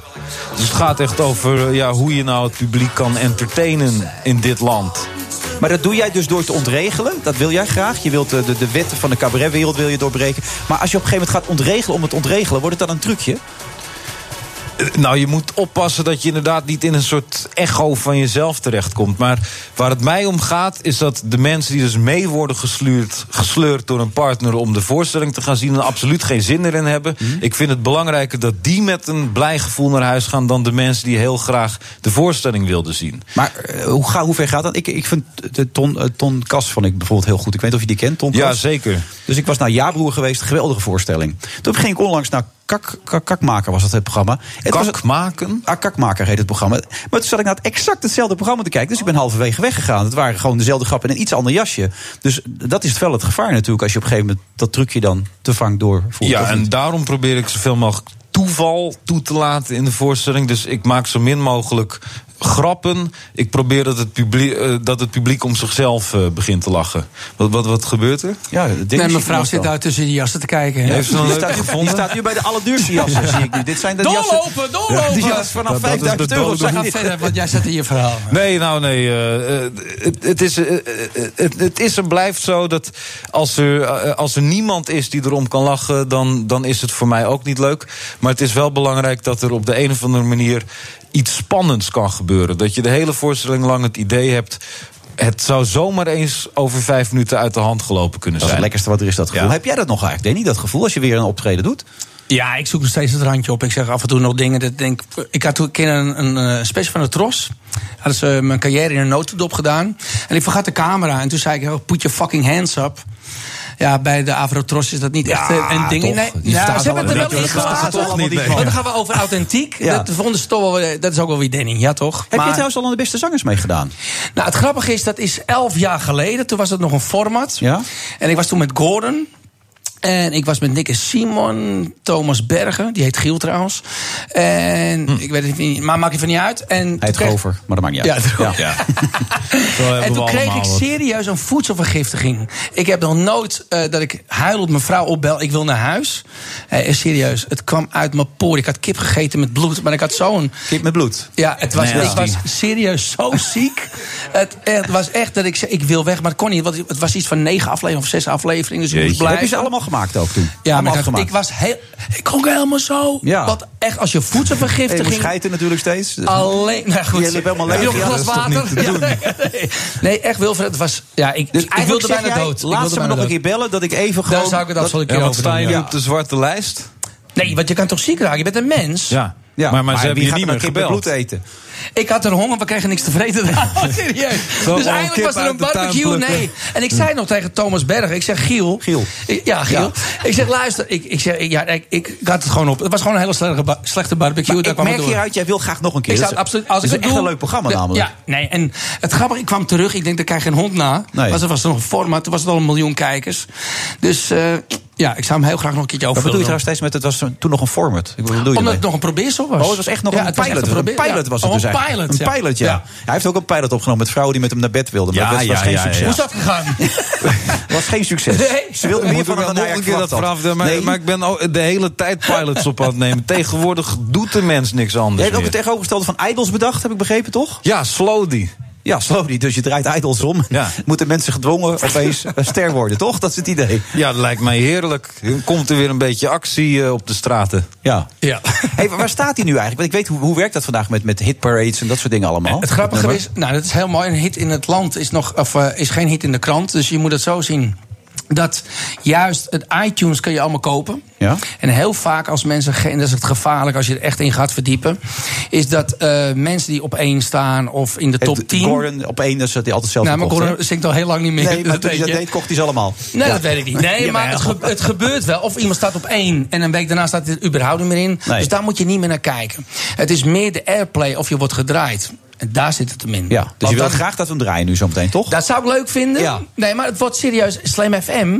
Ik denk, elke Nederlandstalige zanger heeft nog nooit bij Slam FM gezeten. Toen ik binnenkwam daar, moest ik Ja. zo verschrikkelijk lachen om die kleine. Want ja, een Nederlandstalige zanger komt daar gewoon normaal nooit. Maar nu dus wel. En nu maar, wel, maar waar sta je over vijf jaar eigenlijk? Wat is het streven dan? Jeetje, wil eh, dat.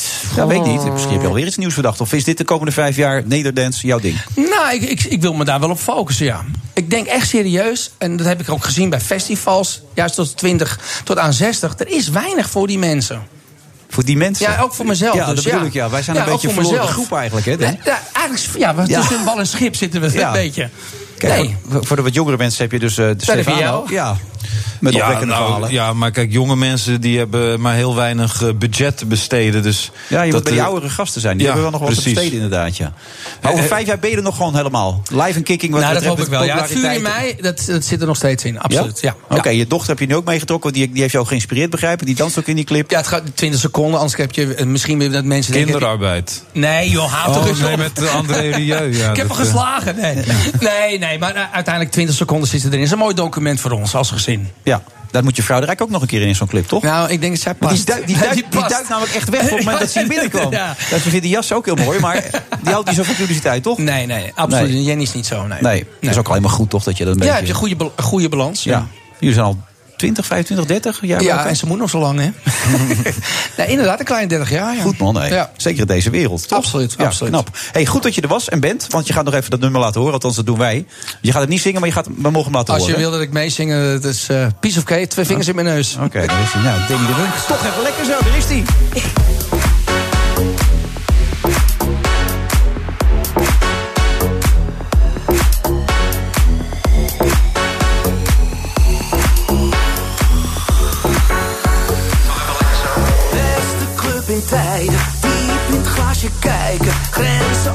Grenzen